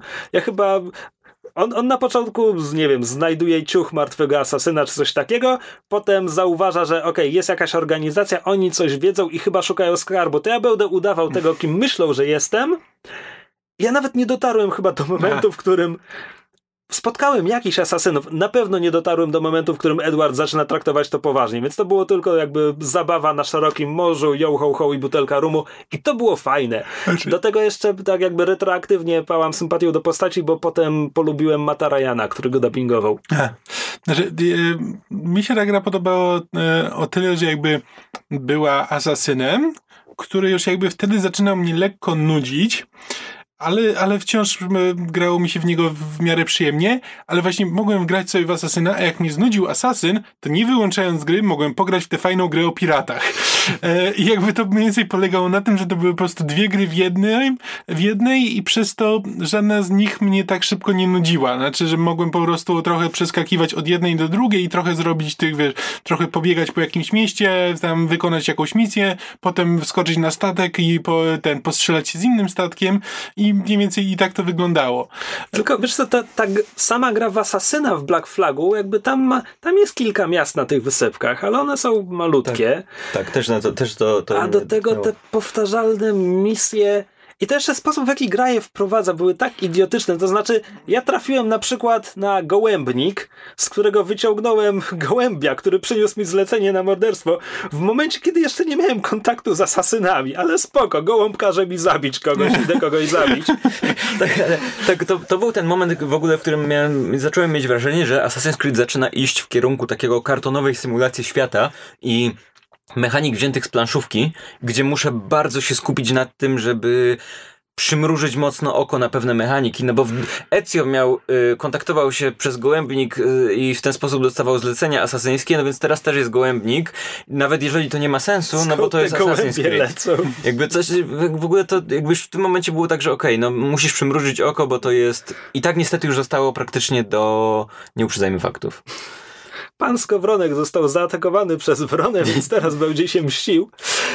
Um, tak, no a do tego jeszcze były jakby te same misje, które są w tym cyklu od samego początku. To cholerne idź za kimś i podsłuchuj, tylko Nie, nie to- to zbliż było się, ale nie możesz też się oddalić i ja pierdolę. Znaczy, przy, w tej grze też było trochę takich elementów, e, jakby na przykład czyszczenia outpostów, że właśnie, że, bo jakby ponieważ gra była A tak, e, wyzwalanie no, plantacji jakby trochę rolników. bardziej horyzontalna, jakby nie miałeś tych wielu miast, po których można było biegać, to jakby było sporo takiego właśnie wyzwalania, wiesz, podchodzenia do strażników e, w, w taki łamigłówkowy trochę sposób, w jakiej kolejności ich zabić, żeby nikt cię nie zobaczył i gdzie ich potem pochować. Tak, te, te plantacje to nawet już były tak bardzo konkretnie outposty, bo tam był nawet dzwon alarmowy, do którego tak. strażnik mógł pobiec i w ogóle. E, dobra, ale potem mieliśmy w ogóle e, nową generację asesynów, bo dlatego, że zmienił się silnik, bo to cały czas był, był chyba ten sam silnik, tylko rozbudowywany, Tak. albo się zmienił między dwójką a trójką.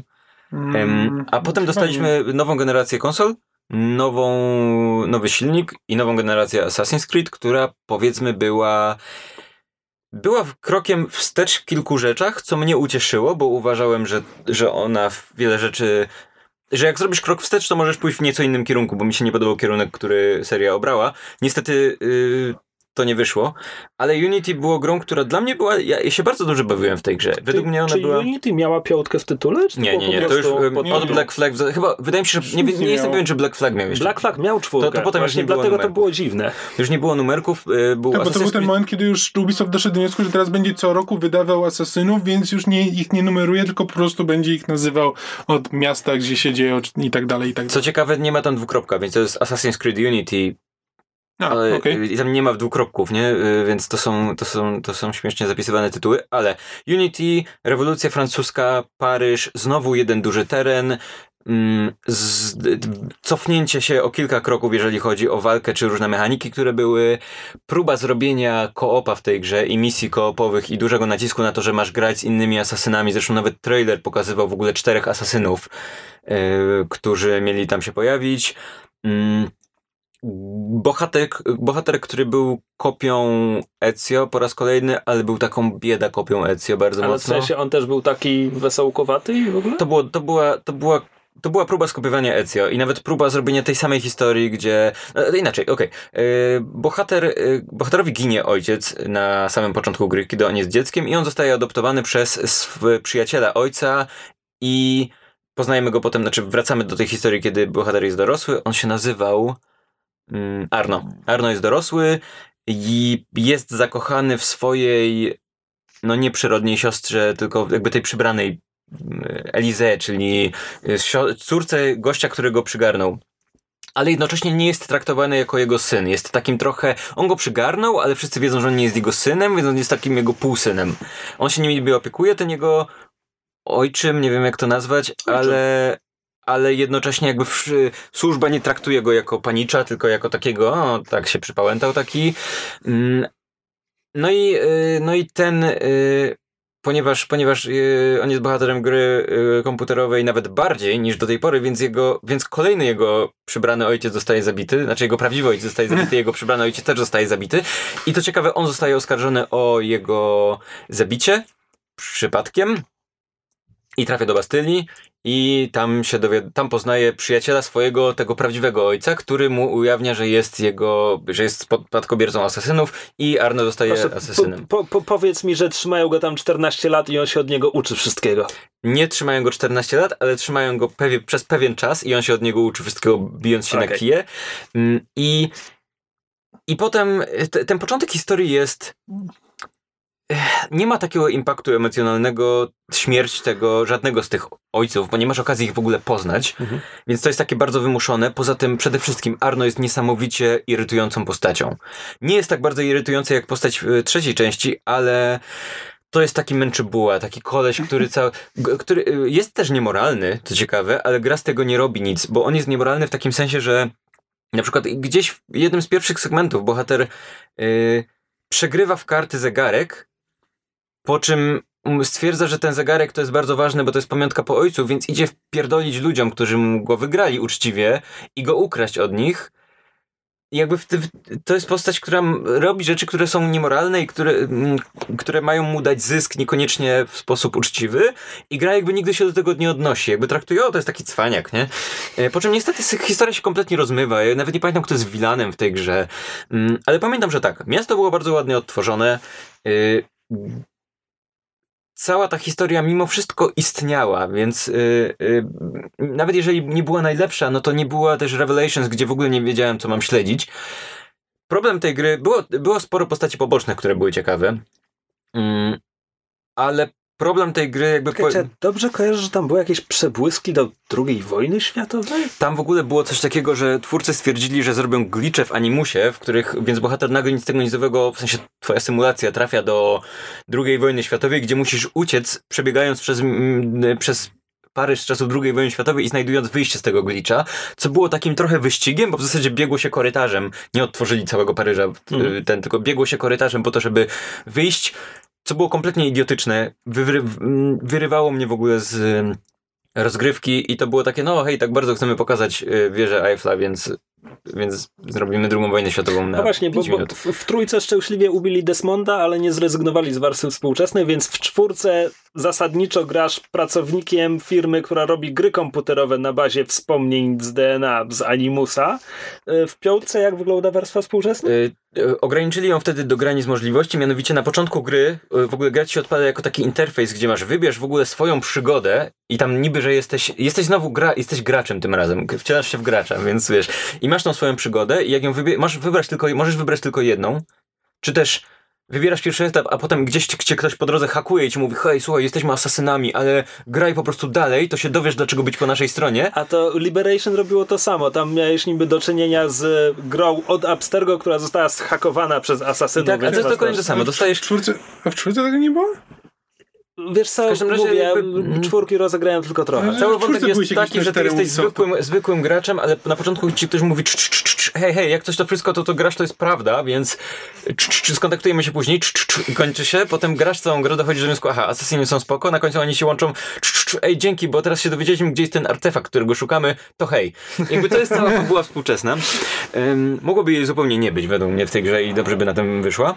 E, ale jakby gra dostała bardzo słaby PR i w ogóle seria dostała bardzo słaby PR, bo jeszcze przed premierą pokazały się screeny z gliczy. Uwa- ja uważam, że to jest gra, która była może n- niedoceniona, to byłoby zbyt du- dużo powiedzenia, do powiedzenia, ale ale że była, dostała zbyt po dupie, bo ta gra zos- została szybko spaczowana, tych, Ja tak- tych błędów nie było aż tak dużo, jak się by wydawało z...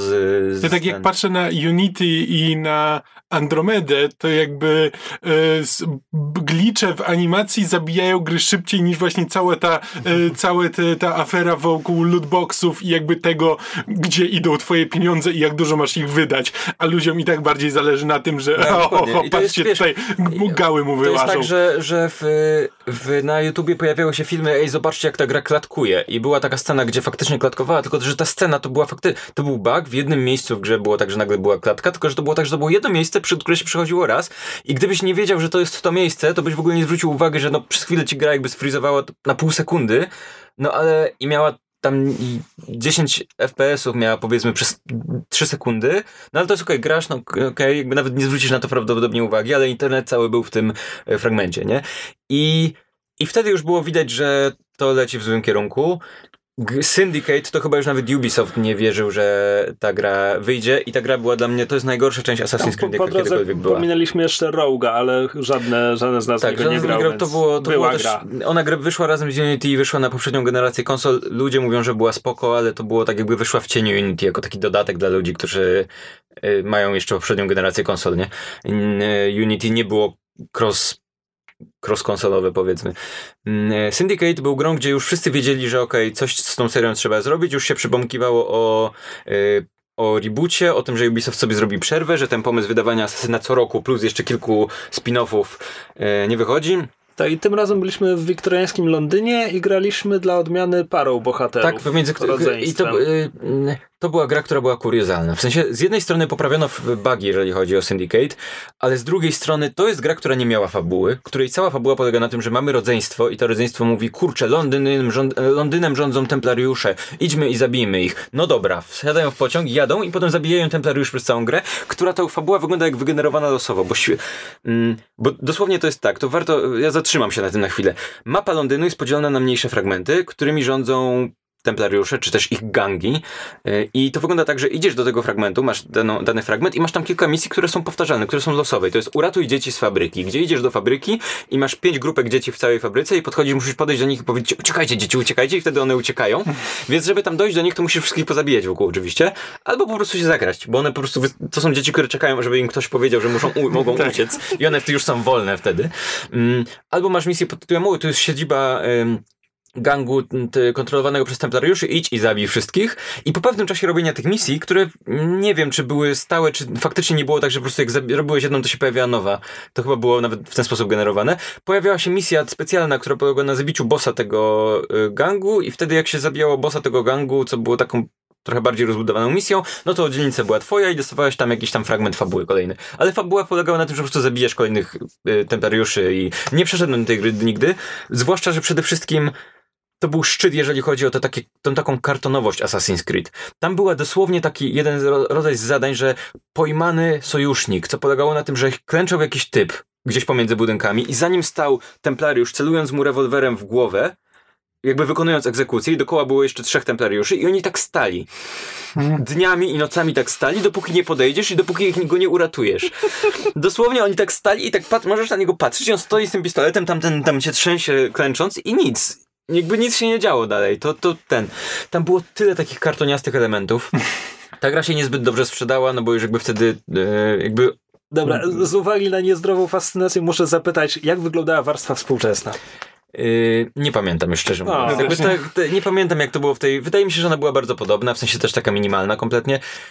No i teraz minęły. Od tamtego czasu minęły dwa lata. Wiadomo, że jakby gra powstawała jeszcze wcześniej. E, Assassin's Creed Origins ma być odejściem od tego corocznego wypuszczania gier. Miał być grą, która jest bardziej dopracowana. Ym, Ubisoft jakby nowa jakość i tak dalej, i tak dalej. Studio, znaczy y, ludzie, którzy robili Black Flag, y, ten główny, powiedzmy, reżyser, powiedzmy, Black Flag, którego nazwiska w tym momencie sobie nie przypomnę. No i wychodzi Origins, wcześniej wychodzą gameplaye, które sugerują, że ta gra może być... Znaczy, myśmy byli na imprezie Ubisoftu, gdzie pokazano po raz pierwszy gameplay z Assassina i co ciekawe, to nie był gameplay, który był przygotowany wcześniej, tylko ktoś faktycznie grał realnie w tę grę w tym czasie. I tam było sporo bugów i sporo śmiesznostek. I myśmy się strasznie lali z tego. No i doszliśmy do wniosku, że no to wygląda jak Znaczy, tam potem były rzeczy, które później ludzie się też lali, to było na, na, nawalanie się z hipopotamem dzidą i to jeszcze w, w wodzie, jakby pod wodą jesteś, atakuje cię hipopotam, a ty go walisz dzidą. E, I więc jakby nie spodziewałem się dużo mimo wszystko. Na początku się spodziewałem, myślę, o, to brzmi fajnie, większa przerwa. Potem się nie spodziewałem dużo i yy, dostałem grę od Ubisoftu i jest super. I jakby to nie jest idealna... I nie mówisz tego tylko dlatego, że dostałeś grę od Ubisoftu. Nie, dostaję wszystkie gry od Ubisoftu, ale to nie, Chyba to, nie grałby 70 godzin tylko ze Tak. względu na to, że dostał grę. Eee, mm, To nie jest idealna gra, ale to jest naj, prawdopodobnie najlepszy Assassin, jaki był kiedykolwiek i to o wiele poziomów naprawdę. I zmieniło się w nim zdecydowanie więcej niż, yy, niż sugerowały te pierwsze gameplaye. I, Znaczy, ja sobie pooglądałem jakieś gameplaye na YouTubie i kurczę, tak na pierwszy rzut oka to nawet nie do końca wygląda jak Assassin. W sensie, tak, grasz człowiekiem w kapturze, natomiast wiesz, jak, jak y, nawiązujesz walkę i gdy trafiasz przeciwnika, wyskakuje ci liczba zadanych obrażeń i tak Wiesz dalej. co, ym, y, y, y, ta gra mogłaby się nazywać Assassin's Creed Dziki Gon, prawdopodobnie. Jest, jest bardzo duża e, szansa. Ym, ale dobra, bo z, zrobiłem sobie mniej więcej, żeby to miało w miarę jakąś tam strukturę, to zrobiłem sobie spis rzeczy. Ym, Pierwsza rzecz, która ta gra, którą ta gra ma, a nie miało Syndicate, to jest, to jest scenariusz. E, I e, ten scenariusz. Grasz bohaterem gry komputerowej, ginie członek rodziny, musisz się zemścić. Nie, Z jednej strony tak, ale z drugiej strony chciałem właśnie powiedzieć o tym, że dużo w tym scenariuszu daje główny bohater i to, jak to jest skonstruowane. Bo jasne, jest tak jak mówisz, ale mm, po pierwsze bajek jest postacią, której nie da się nie lubić. Jest naprawdę, jest, jest od dawna po raz pierwszy jest sympatyczną postacią w Assassin's Creed, którą polubisz od, od pierwszego punktu. Po drugie, znowu masz ten motyw, tak, śmierć członka rodziny. W tym wypadku jakby cała gra polega na tym, że Bajekowi goni, ginie syn, którego on zabija, spoiler z pierwszych, ten, przez przypadek, jakby, no, jakby długa historia, ale on się obwinia bardzo bezpośrednio za tą śmierć syna, bo go dosłownie zabił.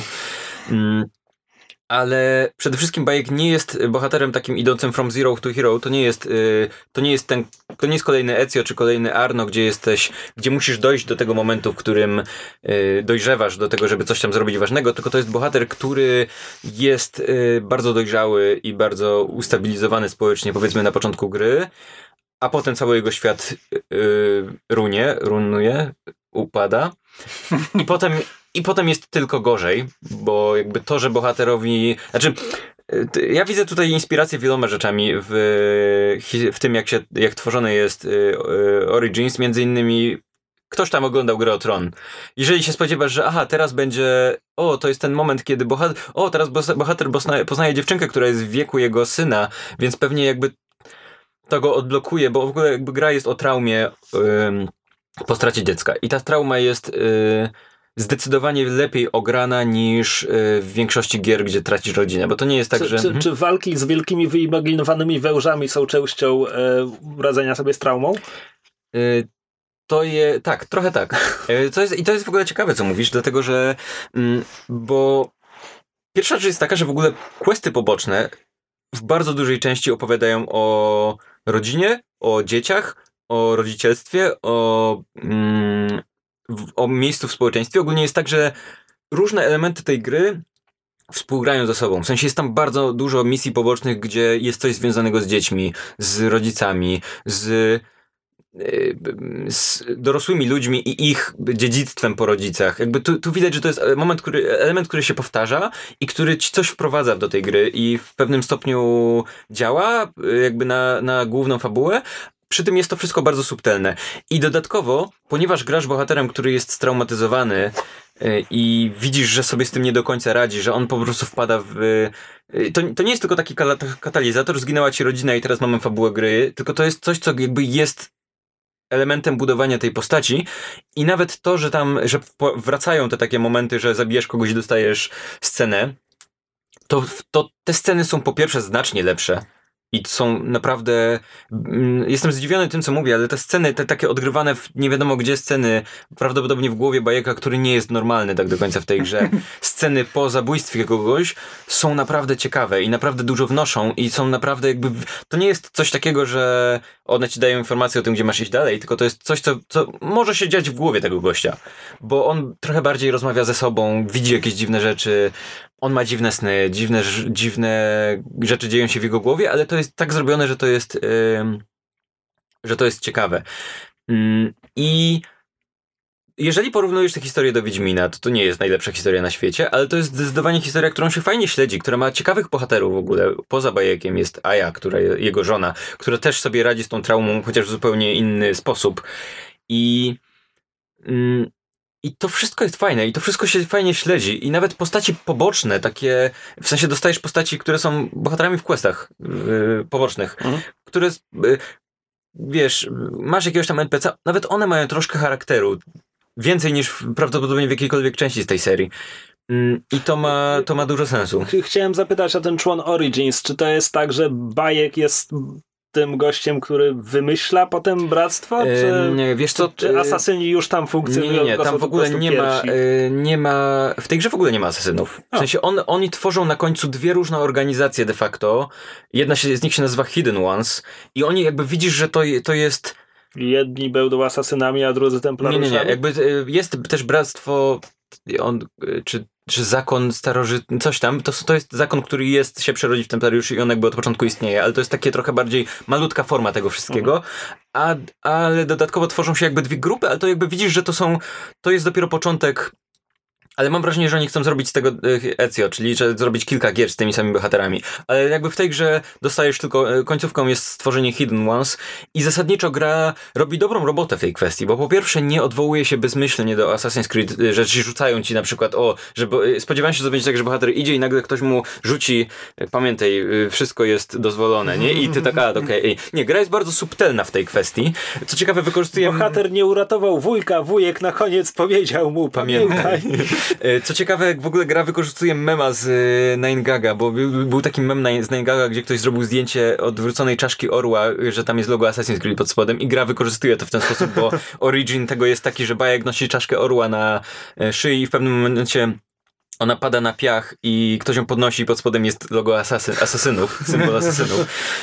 Ym, ale, ale jakby to jest bardzo subtelne w No to kwestii brzmi spoko. powtarzania. A ki- kiedy powiedziałeś, że pewnie chcą zrobić kolejną część z tymi samymi bohaterami, to sobie pomyślałem, że dokładnie tak jak w Brotherhood, druga część może się toczyć w Rzymie.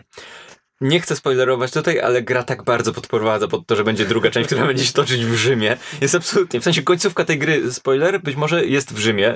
I, okej. I potem... I, Czy bijesz się na pięści z papieżem? Ja wiem, że Nie. to jest jeszcze przed chrześcijaństwem, ale...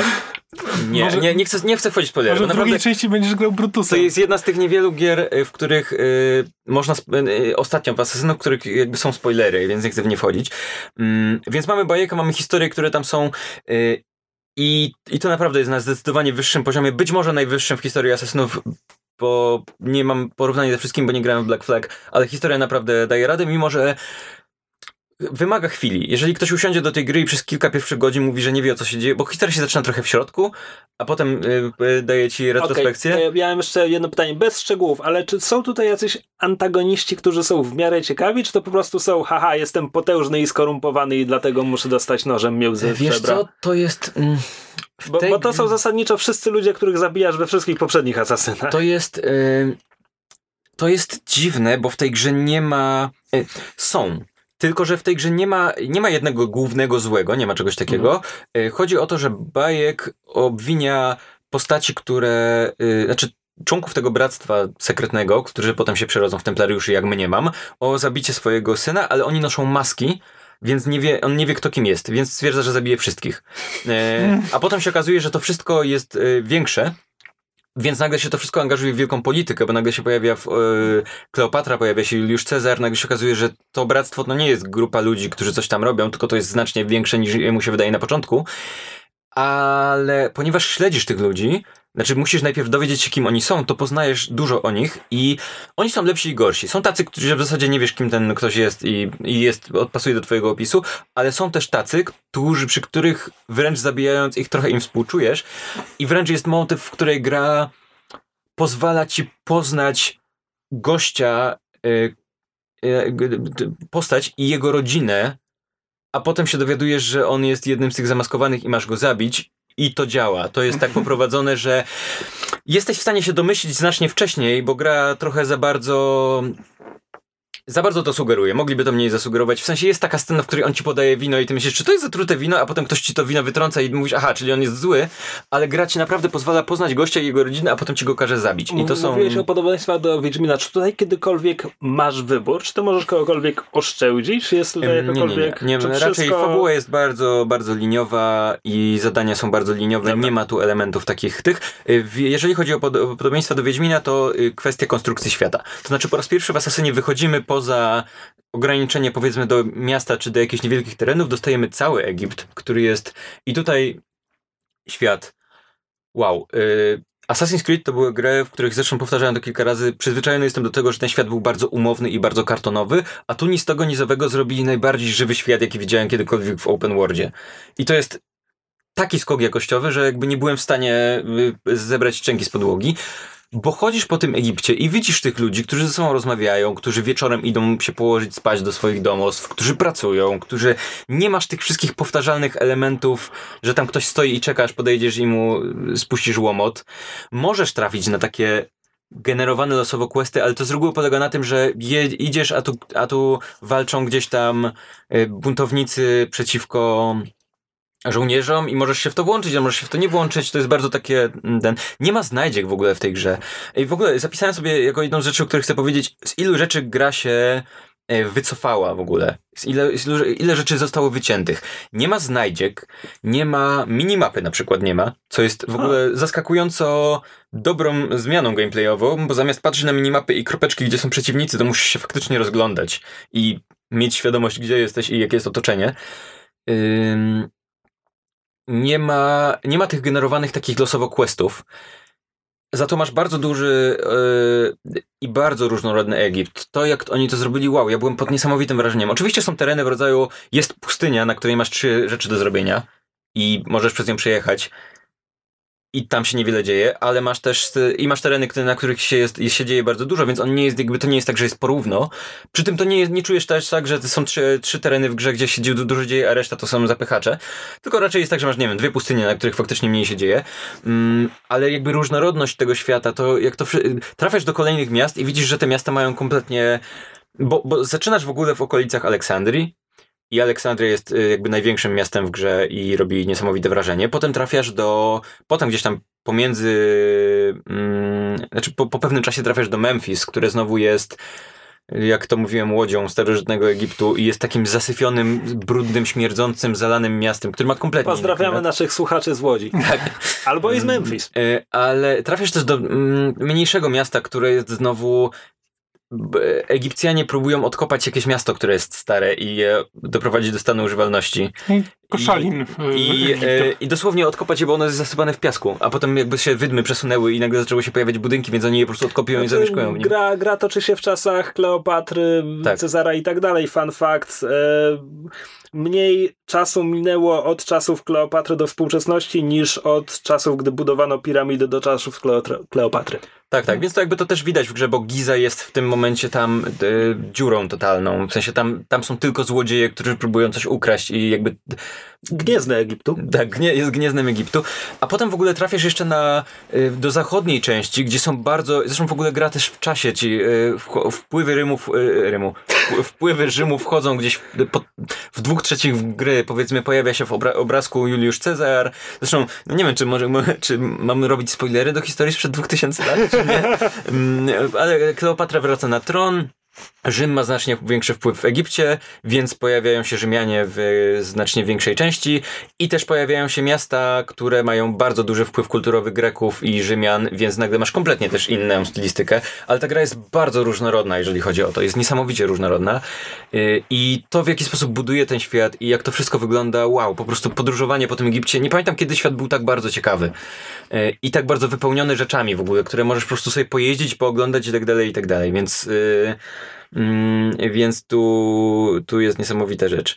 Czy jest jakieś fabularne wyjaśnienie, czemu Bajek widzi to, co widzi jego orzeł? E, nie ma.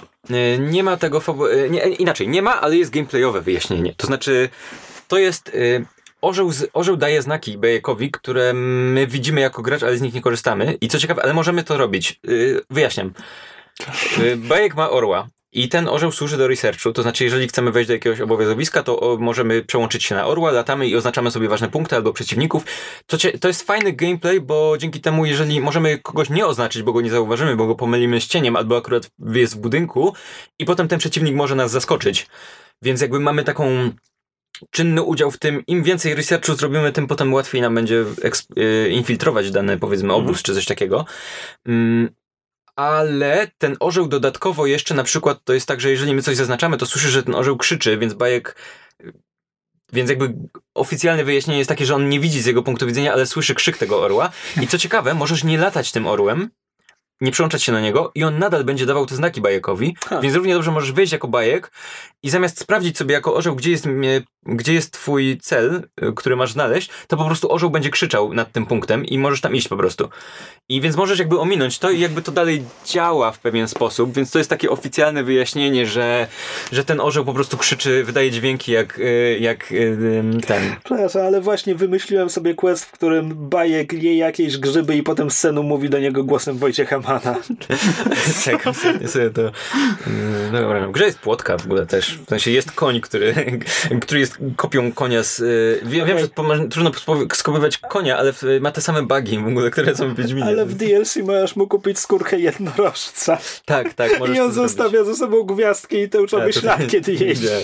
Ym, ale mm, we, e, wersja współczesna, e, znaczy ta część współczesna, o której też mówiliśmy przez chwilę, mm, jest. e, Tym razem stwierdzili, że dadzą graczom wybór. I ta fabuła współczesna istnieje. Ona ze trzy razy ci przerywa grę i wydaje się być podbudowa, podbudową do jakiejś kolejnej. To, bohaterka jest kolejną, kolejnym Desmontem. Widać, że jakby ta, ta historia kończy się na, być może spoiler, na tym, że trafia na nią, że odnajduje ją ojciec Desmonda i mówi, a teraz i jedziemy do Aleksandrii. I to jest Czekaj, koniec. bo ojciec Desmonda jest postacią, która się pojawiała gdzieś tam w okolicach trójki. Czy Ja nie, nie każę mi przypominać tej historii. Na pewno się pojawiała przy Desmondzie jeszcze, przy Revelations się pojawiał. Mm, ale jakby, sorry, jest, yy, ta, ale ta fabuła współczesna jest bardzo drobna, ale możesz się w nią bardziej zagłębić. To jest tak, że daje ci grać i daje wybór. To jest tak, że ze trzy razy cię wytrąca, ale de facto to jest tak, że masz wyjść, pogadać z kimś i możesz wrócić z powrotem, albo możesz zacząć coś więcej eksplorować. ale co ciekawe, fabuła współczesna wewnątrz gry jest po raz pierwszy dla mnie w miarę ciekawa, bo po pierwsze, bo znajdujesz ślady tej pradawnej cywilizacji i znajdujesz je w pradawnych grobowcach egipskich, więc to w jakimś tam stopniu pasuje, bo wchodzisz na dno jakiegoś grobowca i możesz tam trafić na komunikaty od, od cywilizacji dawnej, co jest jest takie w miarę nawet fabularnie, że wiesz, wchodzisz na dno, tam y, klimat i tak dalej i nagle masz jakieś dziwne runy i tak dalej, i tak dalej. E, Plus gra wykonuje, dokonuje kilku retconów, między innymi jednym z głównych retconów jest to, że okazuje się, że Animus nie jest tylko symulacją rzeczywistości, tylko że ta pradawna cywilizacja, która istniała przed nami, y, miała nielinearne postrzeganie świata, ponieważ poza oglądaniem gry o Tron scenarzyści obejrzeli też Arrival, więc okazuje się, że Animus jest faktycznie podróżą w czasie i masz wpływ na rzeczywistość w tamtych czasach. Ograniczony, bo jak zmienisz zbyt dużo, to się desynchronizuje, ale to nie jest tylko symulacja, tylko nagle jakby dodano do tego, że ej, okazuje się, że to, że to jest podróż w czasie i że, ma, i że bajek trafia na rzeczy, które są adresowane do współczesnej bohaterki. I trafia też na dziwne jakieś szyfry, komunikaty. Widać, że to.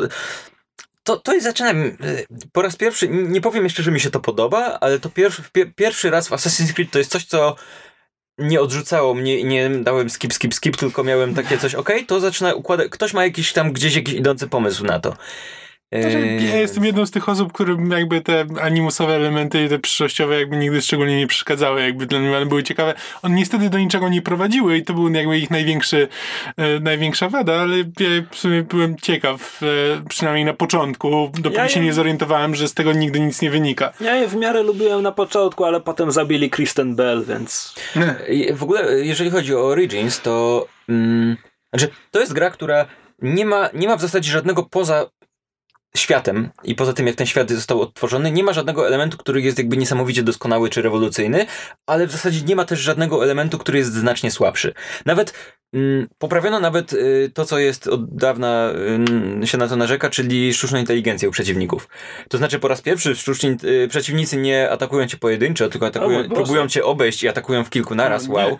Po drugie, ym, nie jest tak, że w taki dziwny sposób podkręcono im AI. To znaczy, oni się zachowują nadal tak samo, ale mają ADHD wszyscy. W sensie, jak cię zobaczą, to nie jest tak, że szybko się schowasz w krzakach i oni zapomną o tym, że cię widzieli, tylko jak cię zobaczą, to natychmiast zaczynają drzeć ryja i wszyscy dookoła cię atakują, więc gra mm, znacznie mniej wybacza. Nie, mm, jeżeli nie zabijesz kogoś bardzo szybko, nie jesteś w stanie do kogoś podbiec idąc od przodu i zanim mu się załaduje pasek, czy cię zauważy, to go zamordować, jak tylko na niego zaczniesz biec, to on on zacznie z tobą walczyć i jakby koniec, jakby nie ma, nie ma ten. E, zauważają, jeżeli wyciąg jeżeli hałasujesz przy nich za bardzo, jeżeli wyciągniesz pochodnie, to, to zobaczą cię natychmiast. Jakby natychmiast, nie ma e, pasku wczytywania idącego przez 5 sekund, po prostu natychmiast cię widzą. E, mm, starają się cię obejść, a jeżeli ktoś jest dalej, to biegnie do ognia sygnałowego. Jakby jest dużo takich rzeczy. Ale jeszcze a propos tej pochodni, widać, że jak bardzo dopra- dopracowano masę drobnych elementów w tej grze. Yy, W pewnym momencie zauważasz, o, o czym gra ci nie mówi, możesz to zauważyć albo nie, że jeżeli masz pochodnię i położysz ją na ziemi, a potem przy niej uklękniesz, wyciągniesz łuk, to bajek podpali strzałę. W sensie nie podpali, jeżeli skierujesz ją w dół, to możesz ją podpalić i strzelać płonącymi strzałami, więc jesteś w stanie na przykład, nie wiem, podpalić tam ściółkę w bazie. Jest... Widziałem jakieś fragmenty gameplayu, że też ten ogień jest tam w miarę dynamiczny, jakby, że e, znaczy to, to, co najbardziej mi się podoba, czytałem w recenzji, że tam, nie wiem, recenzent pisze, że strzeliłem strzałą w gościa, który rzucił właśnie bombą zapalającą, która eksplodowała gdzieś między nami, więc strzała w locie zapłonęła od tego i kiedy tak, trafiła, to, to, już płonęła. Tam... Natomiast element, który widziałem na YouTubie i po prostu był piękny, to jest, że ktoś gra bajekiem, stoi za blisko pochodni czy coś tam, więc zaczyna się palić, po czym zaskakuje w, z dachu e, na stół siana, jak to się robi w asasynach i wtedy stół siana zaczyna się płonąć. Nie, tak, jakby zachowanie ognia jest bardzo w ogóle... Y szczegółowe, powiedzmy, ten, i naprawdę łatwo się podpalić i zginąć w pewnym momencie. I y, ale w ogóle kwestia. Ogień na przykład, o, jeżeli, jeżeli jesteś w grobowcu, to może wystarczy, że obserwujesz y, świat, y, ogień przy pochodni, bo on się zachowuje inaczej w zależności od tego, jeżeli na przykład możesz się kierować do wyjścia, ale łatwo, można się zgubić w tych grobowcach momentami, możesz się kierować do wyjścia, obserwując jak się płomień zachowuje, bo on się kieruje w stronę wyjścia, albo na przykład tajnych przejść. Różne, jakby y, ten ogień się jakoś tam zachowuje, mhm. ale to jest jeden ze szczegółów, bo tych szczegółów jest masa. Po prostu to, w jaki sposób się zachowuje ta gra, ile tam jest takich takich drobnych rzeczy. Pamiętasz, jak wszyscy się jarali y, rosnącą brodą u Gralta? Mm, no to tutaj Bajekowi nie rośnie broda, ale jest, ale szczegółów na takim poziomie, które ci nie zmieniają, powiedzmy, gameplayu w znaczący sposób, ale możesz to znaleźć i powiedzieć, ej, to jest naprawdę spoko i to jest naprawdę fajne i, i to działa. E, jest tutaj, jest tutaj naprawdę masa. I jeżeli to jest, na przykład, jeżeli zabijesz kilka osób w e, obozowisku, a potem uciekniesz i wrócisz po pewnym czasie, to widzisz, jak ci strażnicy zbierają ciała i, i tam palą ciała tych, swoich, tych innych strażników, którzy zginęli. I jakby jest, mm, nie chcę tutaj wymieniać, bo to znajdźcie sobie szczegóły w Assassin's Creed na YouTubie, ale jest naprawdę, jeżeli chodzi o dopracowanie szczegółów, takich, takich drobniutkich rzeczy, to jest, y, to jest tego naprawdę niesamowita ilość. No i, no i fajne jest to, że tak naprawdę, gdybyśmy zrobili sobie tutaj taką sesję, że wymieniacie rzeczy, które was wkurzały w Assassin's Creed w poprzednich częściach, to jest duża szansa, że się tego pozbyli, albo to poprawili, albo to przerobili w jakiś sposób. Jedyne, co zostało jako taki trochę irytujący mm, element, który jest tu tylko dlatego, że był poprzednio, to są to synchronizacje. Mimo, że gra sama w sobie ma punkty fast travel w miastach, może się przenosić szybko do miast i odkrywa mapę i nie ma tego, jakby ta synchronizacja nie daje ci tego, co do tej pory, to nadal jest ta synchronizacja. No więc... tak, ale to co właściwie ci daje? Daje ci dwie rzeczy. Y, odkrywa ci czasem niektóre punkty na mapie ciekawe, takie pytajniczki, które są, mhm. Y, Wiedźmin, i zwiększa ci percepcję senu, w sensie ten yy, orzeł może potem szybciej jakby spotować wrogów, bo... Ale to jest takie tak bo bardzo... Spiąłeś się na wieżę, tak, to, ale to jest tak jest bardzo spostrzegawczy. To jest tak bardzo właśnie dlatego, że yy, że, że chcemy mieć ten element. Ej, czekaj, ale teraz wszystko nabiera sensu, bo dotąd zawsze jak w Asasynie wspinałeś się na wieżę i robiłeś synchronizację, to, to dookoła to ciebie tak. lata łożą, tak. To tutaj on naprawdę lata, cały czas. Yy, to i... dlatego w tym cholernym filmie tam ciągle przelatywał ten cholerny orzeł. Mm, yy, mam dwie rzeczy, które są dla mnie y, problemem i, i, i jakby tutaj w topa powiedzmy twórców. Pierwsza rzecz jest taka, że wprowadzono system e, RPGowy taki girowania się po prostu, gdzie możesz mieć e, sprzęt, zbierać różne rodzaje broni. E, to jest bardzo fajne, w sensie bardzo dużo to dało Assassinowi, bo do tej pory było tak. Po pierwsze, to jest Goldsync. Masz pieniądze, które masz do wykorzystywania na ulepszanie sprzętu, na kupowanie z tych materiałów do craftingu i tak dalej, i tak dalej, więc jakby gra przez pewien czas, nie, nie masz tak, że masz pieniądze, na których, których nie mhm. masz na co wydawać. Problem polega na tym, że twórcy bardzo chcieli, że jeżeli znajdziesz na początku legendarny miecz w tej grze, to że potem go nie wyrzucasz, żeby go zamienić na niebieski przedmiot. I więc prowadzili ulepszanie przedmiotów. Możesz ulepszyć przedmiot do swojego poziomu, przy tym tam ta cena nie jest per poziomy. W sensie to nie jest tak, że na przykład 100, 100 sztuk złota czy 1000 kosztuje ulepszenie o jeden poziom, a 2000 o dwa poziomy, tylko zawsze kosztuje na przykład 5000, więc im rzadziej to ulepszasz, tym mniej na to wydajesz. Mhm. Mm, przy tym problem polega na tym, że przedmioty legendarne są na tyle mocniejsze że, niż zwykłe, że de facto jak znajdziesz na trzecim levelu legendarny miecz, to już grasz nim do końca gry, tylko go ulepszasz co pięć poziomów, a wszystko co niebieskie ci wypadnie sprzedajesz. Więc to jest problem, bo jakby nie masz tego takiego RPGowego poczucia, że ok, znalazłem kolejny przedmiot, który jest lepszy. Nie, ja po prostu sobie ulepszam ten, który mam, bo on jest lepszej jakości, bo jest legendarny, i ma cechę, która jest lepsza niż ten niebieski, nawet jeżeli on jest mocniejszy, to ja wolę mieć ten i go po prostu sobie, sobie ulepszyć za trzy poziomy, więc tu się rozjeżdża ta koncepcja. Powiem ci, że mam wrażenie, że nie przeszkadzałoby mi to jakoś bardzo, biorąc pod uwagę, że właśnie spełdziłem, nie wiem, 15 lat z Wiedźminem i to, że Geralt wyszedł z Kermoren ze swoim srebrnym wiedźmińskim mieczem, po czym godzinę później zamienia go na coś, co zabrał bandycie z drogi, bo jest lepsze. Wiesz co, w, w tym, w Shadow, w Shadow of War możesz sobie właśnie, w, zmieniasz ekwipunek. Jednym z elementów ekwipunków, je, ekwipunku jest płaszcz i pierwszy płaszcz, z którym zaczynasz, to jest, e, masz nawet w opisie napisane, że to jest płaszcz, który wręczyła ci twoja żona. A potem godzinę później zamieniasz go na ulepszony ten. No to, to wiele razy się płaszcz. też zdarza coś takiego. Tylko, że... Bo, bo, Ale to też jest pełne, bo Geraltowi tam kilka razy w ciągu gry ktoś bardzo wdzięczny i wpływowy daje mu rodową broń, którą... Tu jest to samo. Tu jest dokładnie to samo. Regularnie zdobywasz coś rodowego i gdyby to były jeszcze legendarne przedmioty, nie, to są te, one są tej środkowej skali, więc nigdy nie są lepsze. Gdyby to były legendarne, to jakby te, te najlepsze, te złote, sobie zachowuje, bo one mają indywidualne cechy. Przy tym Oto mój rodowy to gladius. wszystko jest absurdalne. Świetnie, lecę na stadion. Oczywiście to wszystko jest absurdalne, jasne, tyle że w tym momencie to tu jest tak, że, mm, że bardzo szybko w Assassin's Creed masz legendarne uzbrojenie, które następnie y, całe girowanie polega na tym, że podnosisz przedmioty po to, żeby je sprzedać i mieć pieniądze na to, żeby ulepszać te, które cały czas masz na sobie, więc te, ta mechanika się psuje. Jest zepsuta po prostu w tym momencie. Druga rzecz, która jest dla mnie problemem, z, znacznie większym niż prawdopodobnie to będzie brzmiało, mianowicie mapa gry pokazuje każdy ciekawy punkt jako pytajniczek, jak w Wiedźminie. Tyle, że niektóre z tych punkty Niektóre z tych punktów to są lokacje, do których potem przyprowadzą cię misje. Mhm. Więc masz taki problem, że okej, czyścisz sobie punkty, znajdźki, okej, tu jest jakaś willa, czy mam tam wejść i teraz zrobić ten to zadanie, które tam jest jako ciekawa lokacja, bo tam jest z reguły jakaś skrzynia, ktoś tam do zabicia. To jest ciekawsze niż w Wiedźminie, te ciekawe. Bo ja pamiętam, że ciekawe punkty w Wiedźminie to z reguły było, o, masz trzech bandytów i skrzynię. A tutaj to z reguły jest jakaś lokacja, jakiś obóz, czasem to jest miasto i tam z reguły masz coś do zrobienia w miarę ciekawego. Powtarzalnego, ale, ale jakby nie nudzącego się. Tyle, że potem być może jest tak, że za pół godziny będzie misja, która ci każe wrócić do tego samego miejsca, gdzie strażnicy się respawnują a potem będzie jeszcze jedna, która ci każe, której akurat nie wziąłeś, bo ona na innym etapie ci każe też wrócić do tego miejsca. Są takie ekstremalne przykłady, że faktycznie trafiłem na obóz, wyczyściłem go, potem zrobiłem misję, potem wziąłem dwie misje, z których jedna mi kazała tam iść od razu, a druga kazała mi tam iść w trzecim punkcie, gdzie więc, a ponieważ zacząłem od tej pierwszej, a nie od tej drugiej, to odwiedzałem to samo obozowisko trzy razy, żeby robić różne rzeczy.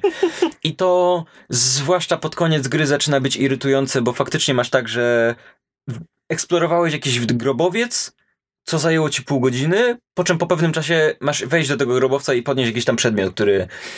I co ciekawe, gra czasem odwala Wiedźmina, czyli robi, a ja już tam byłem, więc wszystko spoko, więc możesz to zrobić w odwrotnej kolejności. Wiedźmin tak robił, jeżeli zabiłeś kogoś, jakiegoś potwora, a potem ktoś ci go kazał zabić, to wystarczyło powiedzieć, hej, już go zabiłem.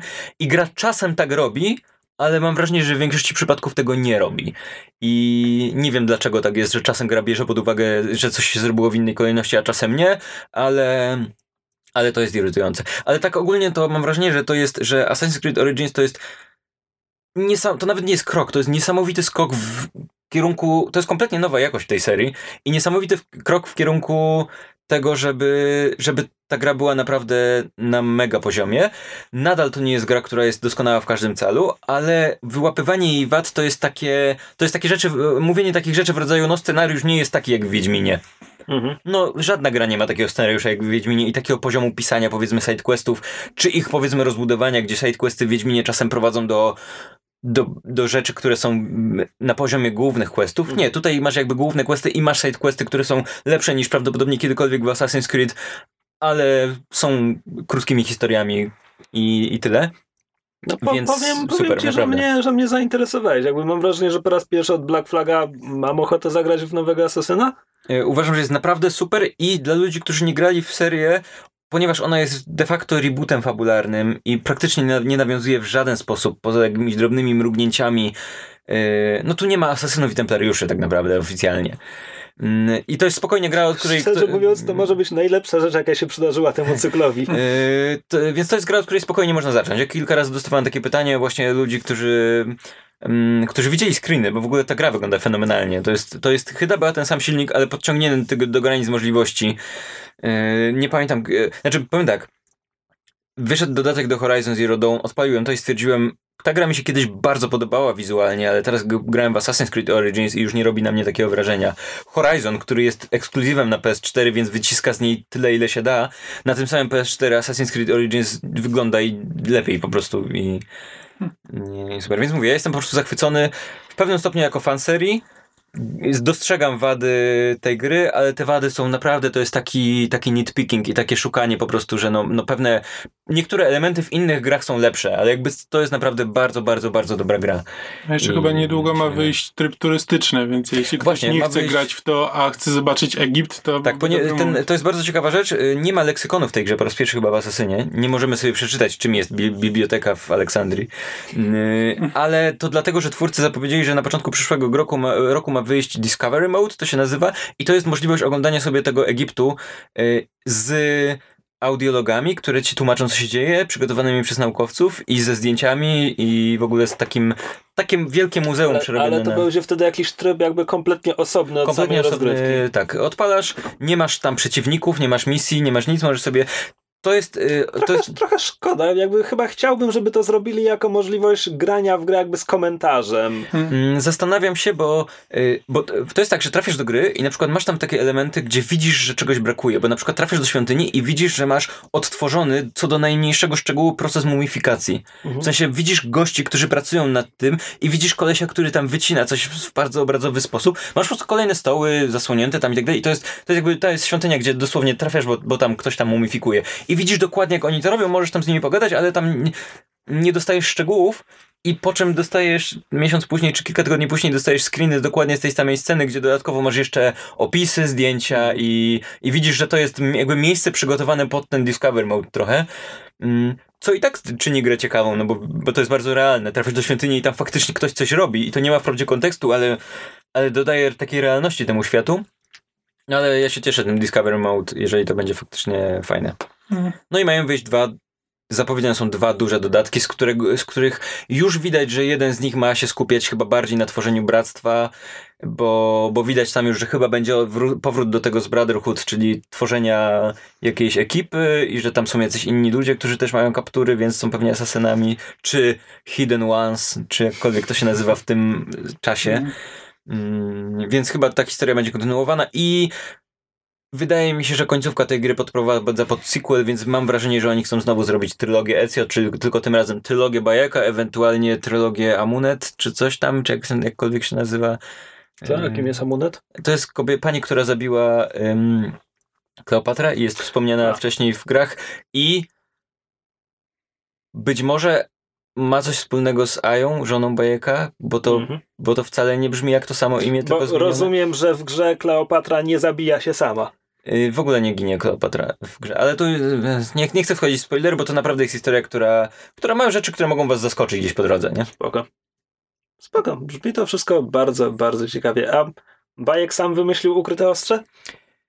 Y, Bajek... Nie, to znajduje to z tego co pamiętam... A, to jest w ogóle świetny motyw, który jest mikroskopijnym spoilerem, ale Bajek to ukryte ostrze dostaje jako... Leonardo da Vinci. Nie, nie, nie.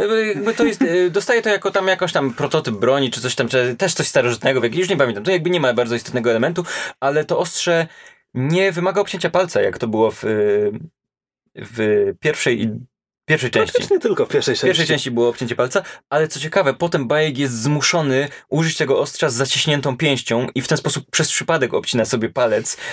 W związku I z czym... przez tysiąc lat. Tak, w związku z czym to jest jakby w te, obcinają sobie palec, bo nie wiedzą, że nie trzeba.